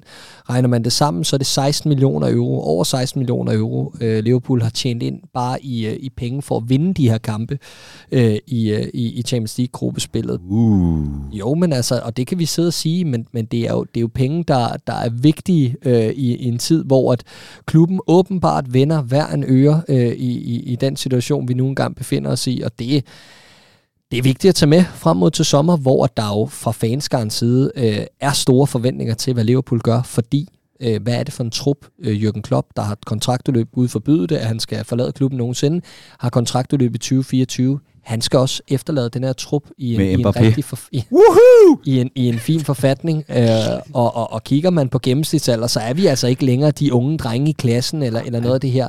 Der skal noget fornyelse til på et tidspunkt. Det sprang vi over den her sommer, apropos skarpe analyser. Jeg var en af dem, der råbte allerhøjst efter, ah, færdamt, hvorfor har vi ikke fornyet den her trup i tide? Og øh, hold kæft, hvor tog jeg fejl. Ikke? Øh, men, men, men på et eller andet tidspunkt, så skal det ske for Jürgen Klopp, og der får han brug for et war chest økonomisk. Mm. Liverpool øh, af andre overskrifter kan nævnes. Øh, der er der lidt i forhold til, at øh, Redbird, et konsortium, har købt sig ind i klubben. Øh, I hvert fald købt sig ind i Fenway Sports Group, og dermed også ind i noget majoritet omkring øh, Fenway Sports Group. Hvad kan det betyde, at der kommer nogle flere midler til rådighed? Hvordan løber det videre i systemerne? Og det ja. er selvfølgelig sådan en... Øh, hvad? Det er ham der basketballspilleren, ikke? Ja, lige præcis. Det er den nye Michael Jordan. I hvert fald i Space Jam. Ja. Men det er, øh, det er i hvert fald øh, også en historie, man kan holde lidt øje med, hvad kommer der til at ske i forhold til det strukturelle. Det er en overskrift fra året, der er gået. En øh, overskrift, som også er, det er, at øh, Michael Edwards har meldt sin afsked fra klubben, og altså stopper efter denne sæson. Og øh, det betyder til sommer, der vil øh, Julian Ward, som han hedder, tage over og blive den nye sportsdirektør for klubben. Hvad kan han? Hvad bidrager han med? Det bliver spændende at holde øje med. Og sidst, men slet ikke mindst, og der er sikkert 800 ting, jeg har glemt, men sidst, men slet ikke mindst, så er Liverpool i gang med en udvidelse af stadion nede ved øh, Annie Road, nede ved øh, udbane-tribunen, så at sige. Det er i hvert fald der, udfansene plejer at stå. Den er ved at blive øh, udbygget nu, og øh, det betyder, at Liverpool kan få plads til endnu flere fans fremadrettet. Også noget, der er vigtigt i forhold til værdisætningen af klubben og selve værdien og udviklingen af det der med... Øh, med Liverpool, også bare flere billetter i omløb. Det bliver sgu også dejligt, øh, sådan så endnu flere kan komme ind og se deres øh, drømmehold. Ja. ja, og til det er der også det her, hele det her projekt med safe standing, som er i, i, i, i en prøveperiode nu, kan man sige, i Premier League, og der er blevet åbnet døren for, at det godt kan... Der er jo allerede nogle, nogle pladser på The Cup, for eksempel, der er øh, i, i, ja, der har været aktiv hen over sæsonen, og nu tager de næste skridt her i starten af 2022, hvor der ligesom skal, skal prøves mere af med det her, og det kan jo betyde, at øh, kapaciteten på Anfield, når øh, Anfield Road End er, er færdigbygget, den kan blive væsentligt større, end den er nu. Måske 12-15.000 større. Det vil jo betyde noget for folks mulighed for at kunne komme til Anfield og gøre, altså tage vores stadionkapacitet helt derop, som jeg synes, klubben fortjener. I præcis. tager jeg meget fejl, hvis det er også i den her sæson, nu hvor vi er nået knockout-fasen for Liverpool her i øh, foråret, kommer der jo øh, ja, Champions League-opgør mod øh, Inter Milan. To af dem, men øh, ude, reglen om udebanemål. var det ikke mod Salzburg? Nej, jeg tror, du så den første lodtrækning. Nå, Så.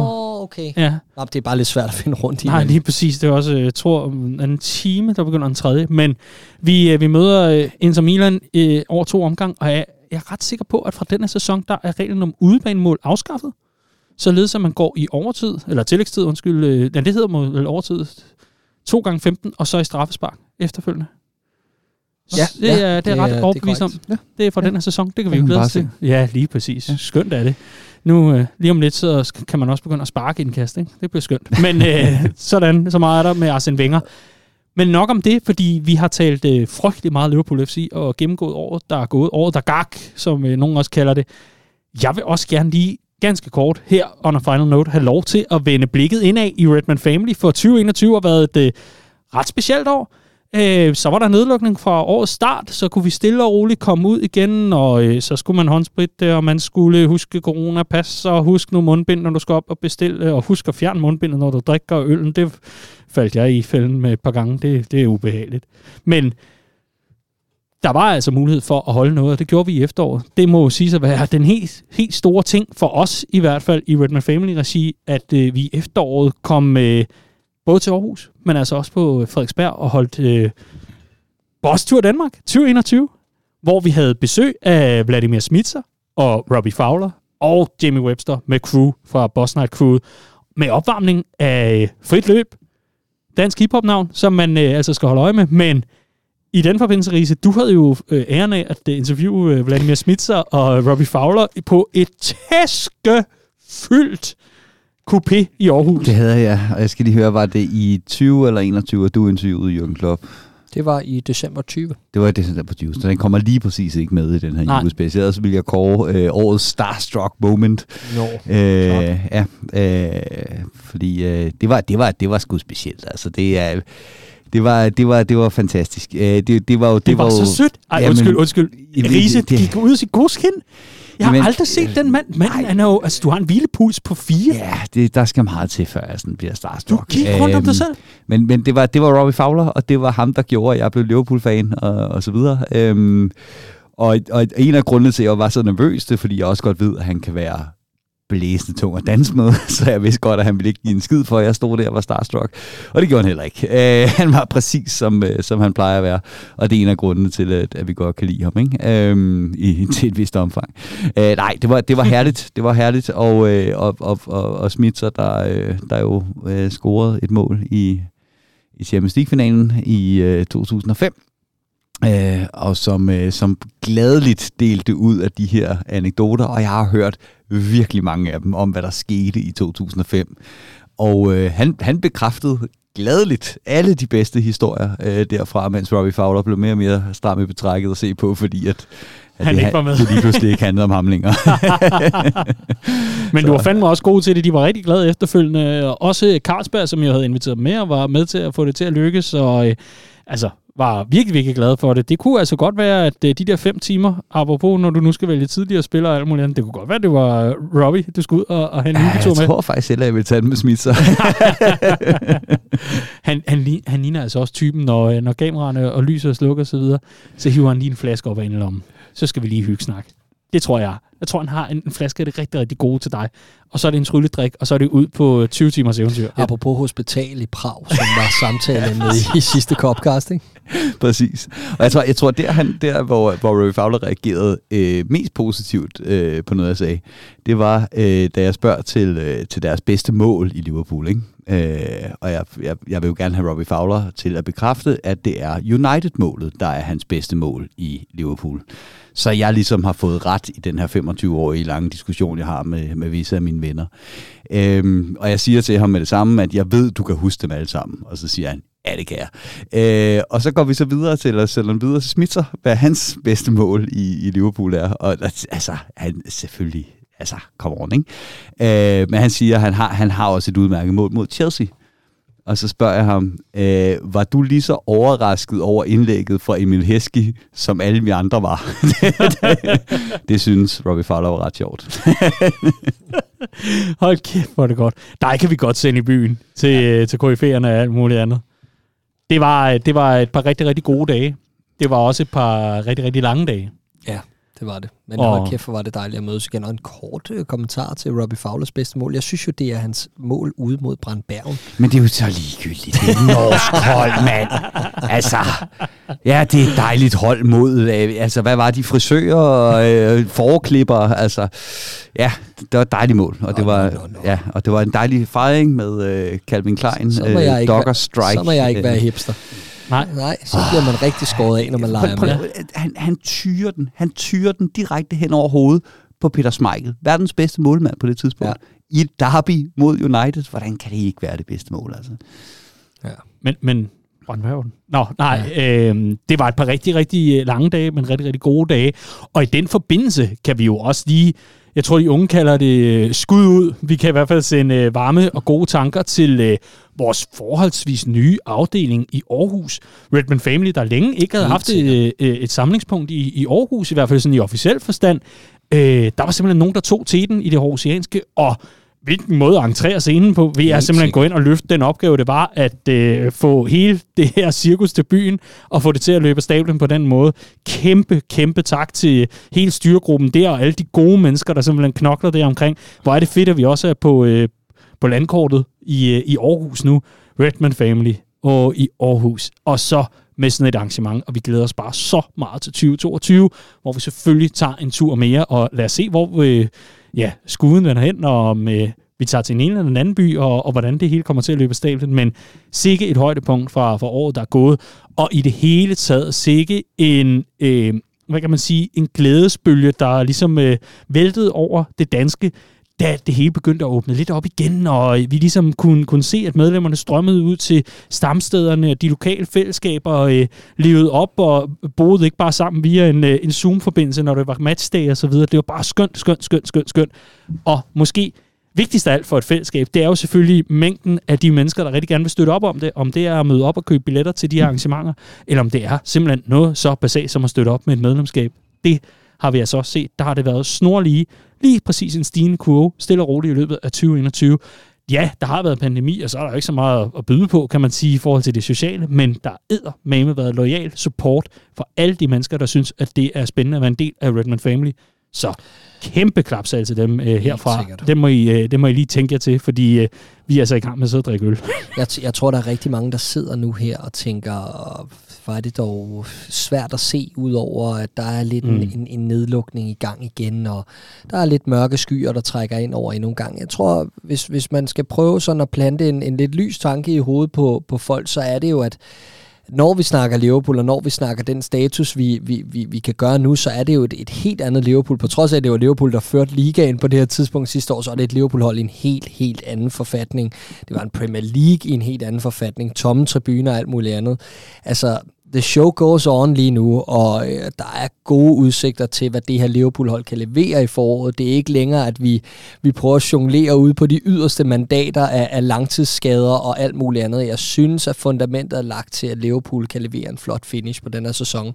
Og øh, der er også håb forud i forhold til, at vi kan mødes igen og, og se kampene sammen, hvis der skulle komme nogle afgørende kampe hen mod slutningen af foråret, og det må vi jo forvente, at der gør. Mm. Der er også for dem, der lytter med, og måske ikke lige er de første til at øh, gå ud og sætte øh, golfen i øh, første, anden, tredje og så 8. gear for at fræse ned til poppen og så Liverpool. For dem, der egentlig bare er lidt med på, øh, på afstand, dem, øh, dem ved jeg altså også findes. Der er altså også masser at glæde sig til i 2022 på Redmond Family-fronten, hvor vi øh, nu begynder sådan at bygge lidt op til, at tingene kører nogenlunde normalt igen, og det lyder fuldstændig sindssygt at sige, når landet er de facto lukket stille og roligt ned på rigtig mange områder, i hvert fald i forhold til kulturtilbud, og dermed også rigtig meget af det, der handler om fodbold. Men vi kan i hvert fald sige, at fra Redman Family side, der glæder vi os til at øh, skrue yderligere op. Vi kommer nok til at justere et par ting. Hister, hister her kommer der til at ske lidt, men man er i hvert fald ikke i tvivl om, at øh, vi kommer til at lave noget i det nye år. For dem, der ikke lige er med på at tage ned på poppen weekend efter weekend, men bare gerne vil være med på afstand. Og det er jo altså også fans, som er en stor del af Redman Family. Der er også rigtig meget til jer, blandt andet på lyd, det lover vi. Så det her, det er årets åbning. Ikke den Allison lavede i 74 minutter på Tottenham, Tottenham Hotspur Stadium. Nej, præcis. Okay. Idiot. Gutter, øh, en sidste kåring. Ja. Årets julespecial. det må vel være den her. Jeg går hjem og hører den fra forrige år, så, og så tæller den med i Ja, konkurrencen. lad være med det. Jeg Årets spiller? Årets spiller. Ja. For mig at se, er der vel kun én. Hvad siger du, Riese? Ja, hvad, 2021 spiller? Jamen, det er Mohamed Salah. Altså, der er ikke, der er ikke så meget at diskutere. Okay. Eller hvad? Jeg synes, at Alison Becker sniger sig op som lidt en øh, sådan outsider, en dark horse i den der. Gør han ikke det? Jo, Det synes jeg lidt. det synes jeg øh, altid. Men, men enig, enig. Det er svært at komme udenom Salah med det efterår, ikke? Jo, præcis. Jeg synes også, Trent Alexander-Arnold efter så meget Præcis. kritik frem til januar, februar måned for alvor steppet den Gud, der øh, maskine op i gear, var. Det har vi slet ikke talt om. Stakkels. chancer overhovedet i 2021 i hele Premier League. Det er seriøst Hele. Gareth Southgates shit show af noget udtalelse og sådan noget. Han men, ved du hvad, Gareth Southgates øh, behandling af ikke? den minder mig så meget om min tysklærer i gymnasiet, hvor jeg på et tidspunkt øh, talte lidt om, hvor- det var det ene og det andet, og hvad for nogle øh, A-fag og så videre skulle man tage, og hvad skulle man løfte og gøre.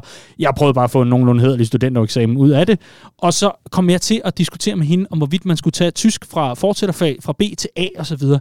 Jamen, det var da en glimrende idé og sådan noget. Nå, men så ombestemte jeg mig så, men fik ikke lige talt med hende. Og så gav hun mig en karakter lavere, fordi så var det motivation til mig. det er totalt flashback til det. Sådan, din idiot. Enten har et niveau, eller også har jeg ikke et niveau. Sammen Gareth Southgate, up in the mind, øh, et eller andet. Jeg er fandme glad for, at de tabte den finale. Lortelandstræner. Riese. Okay, så enten har du et niveau, eller også har du ikke et niveau. Ja, Hvordan vil du forklare Nat Phillips? han er et enigma. Pi. ja. Nej, hvad hedder det? Nat Phillips kan dividere med 0. Riese som, øh, som, som taktisk guru og øh, øh, Årets opstilling. øh, da- data, da- data orakel. Øh, forklar mig lige, hvordan kan, man, hvordan kan man som international toptræner øh, se bort fra Trent Alexander-Arnold, når du har ham til rådighed i forhold til at få ham inkluderet i din start? Jamen, det kan jeg øh, relativt nemt forklare, tror jeg. Ja, lad os høre. Øh, landsholdsfodbold er noget helt andet end- klubfodbold, og det som Gareth Southgate vil have fra sine wingbacks, det er power, det er direkte udfordring, det er nogen, der skal holde bredden, så alle de her øh, spændende playmaker, som det jo, øh, England har en milliard af, de kan komme ind og, og dominere i centrale områder, og der er Trent Alexander-Arnold bare for raffineret en fodboldspiller. Øh, he, altså hele systemet er bygget op omkring ham i Liverpool. Okay. Så du mener, det var en rigtig beslutning, at han ikke skulle spille fast for England? Det ved jeg ikke, om det var. Altså, det, der var i hvert fald skulle laves nogle kæmpe ændringer i forhold til den måde, England spiller på, øh, hvis Okay. der skulle gøres plads til, øh, til Trent Alexander-Arnold. Jeg, jeg hører mange sige det med, at, at nu skal vi prøve en trebakkæde i Liverpool, fordi vi har to verdens to bedste offensive backs i, øh, i, Mm. øh, i, i Robbo og Trent. Øhm, aldrig. Nej, nej tak. øhm, Spild af spillere. ja, fordi altså, derned. altså, Trent skal bare have fuld bevægelsesfrihed Mm. Fuld bevægelsesfrihed, og det får han jo ikke, hvis han ligger og skal holde bredden i en, øh, Nej. med en trebakkæde. Nej, så det havde været helt forfærdeligt at spille ham, i stedet for Calvin Phillips inde på den midtbane. Men lad nu det ligge. Ja, jamen det er så det. Det er så spørgsmålet, ikke? Altså så er det bare igen det her med, altså ja, ja, jeg kan godt huske, jeg kan godt huske, at der var en, øh, en, en, en legendarisk keeper, Jorge Campos, der stod på mål for Mexico, men spillede angriber for klubholdet. Ellers så er det relativt sjældent, at du ser spillere, der øh, spiller forskellige positioner på lands- og klubhold. elsker, når du blærer dig Øh. og folder dig ud, Riese. Jeg bliver sådan helt, wow, er det sket? Det er det. Onkel Riese, fortæl mig mere, fortæl mig mere. Hvad gjorde I, da øh, tyskerne gik ind i landet? Slesvig Holsten, hvor startede det, og hvordan? ja, præcis. Så viste vi dem mod Sverige. God idé. God idé. Og jeg tror ikke, der er meget mere at komme efter. Det lyder ikke sådan. Nej, præcis. Så med, med mindre, at øh, du vil redegøre for kanslergade for livet, så tror jeg, jeg begynder at øh, skrue stille ned for øh, dette års Copcast julespecial. Øh, det er overvurderet, hvor meget det betød, at, øh, at konen kom ind med whiskyen. Men, øh, ja. men, men, men en, en, et vigtigt punkt i Danmarks historie, det er det. Men man kan så også sige, Og, hvis man skal... Åh, så lovede jeg alligevel lige at få årets analyse med mig. Ja, nokkel. Lige præcis. Og så kan man jo så også sige, øh, det der med øh, alkohol, også er med til at skabe store ting. Skål og god jul, dreng. Lige præcis. Glædelig julespecial til, til jer. Tusind tak for nu. Tusind tak for i år. Og kæft, hvor har det været hyggeligt at lave Copcast, selvom det har været noget bøvl og nogle dårlige forbindelser, og sidde og klippe på afstand, og så herind og så ud. Og, jamen altså, det har været noget rigtig bøvl, men øh, det har været en udsøgt fornøjelse. Det har. Tak for i år, gutter. Jamen, jeg siger det samme, og det bliver en fornøjelse at starte op igen på den anden side. Re-energized og, øh, og klar til et, til et nyt år. Altså, jeg skal ud og finde 8 kilo juleskum, og så skal jeg ikke rejse mig fra sofaen de næste to uger. Hold kæft, hvor jeg glæder mig. Hvad skal du, Ise? Øh, det lyder meget som det samme. øh, vil jeg ønske. Øh, jeg står i den, i den klassiske situation med, at øh, jeg er skilsmissebarn, min kæreste er skilsmissebarn, så der er 14 familier, vi skal nå at se i, i julen. Uha, det Men lyder coronavenligt. Det er overstået. Så skal jeg smitte jer to igen, og det glæder jeg mig til. Skal du smitte os med godt julehumør, skal du? Åh oh, nej, vi hører noget poetisk. Nu sidder vi her på årets korteste dag. Mm. Og lavet årets længste julespecial. 21. december slutter simpelthen året af kl. 20.21. Ej. Det er altså... Det var poetisk eller super tilfældigt. Nu skal du ikke ødelægge momentet, så den bliver 22. Nej, skynd dig at slutte af. Tusind tak for nu. Andreas Brøns Riese, Clark James, mit navn er Dan Sigler. Tak fordi I lyttede med. Rigtig glædelig jul, og godt nytår.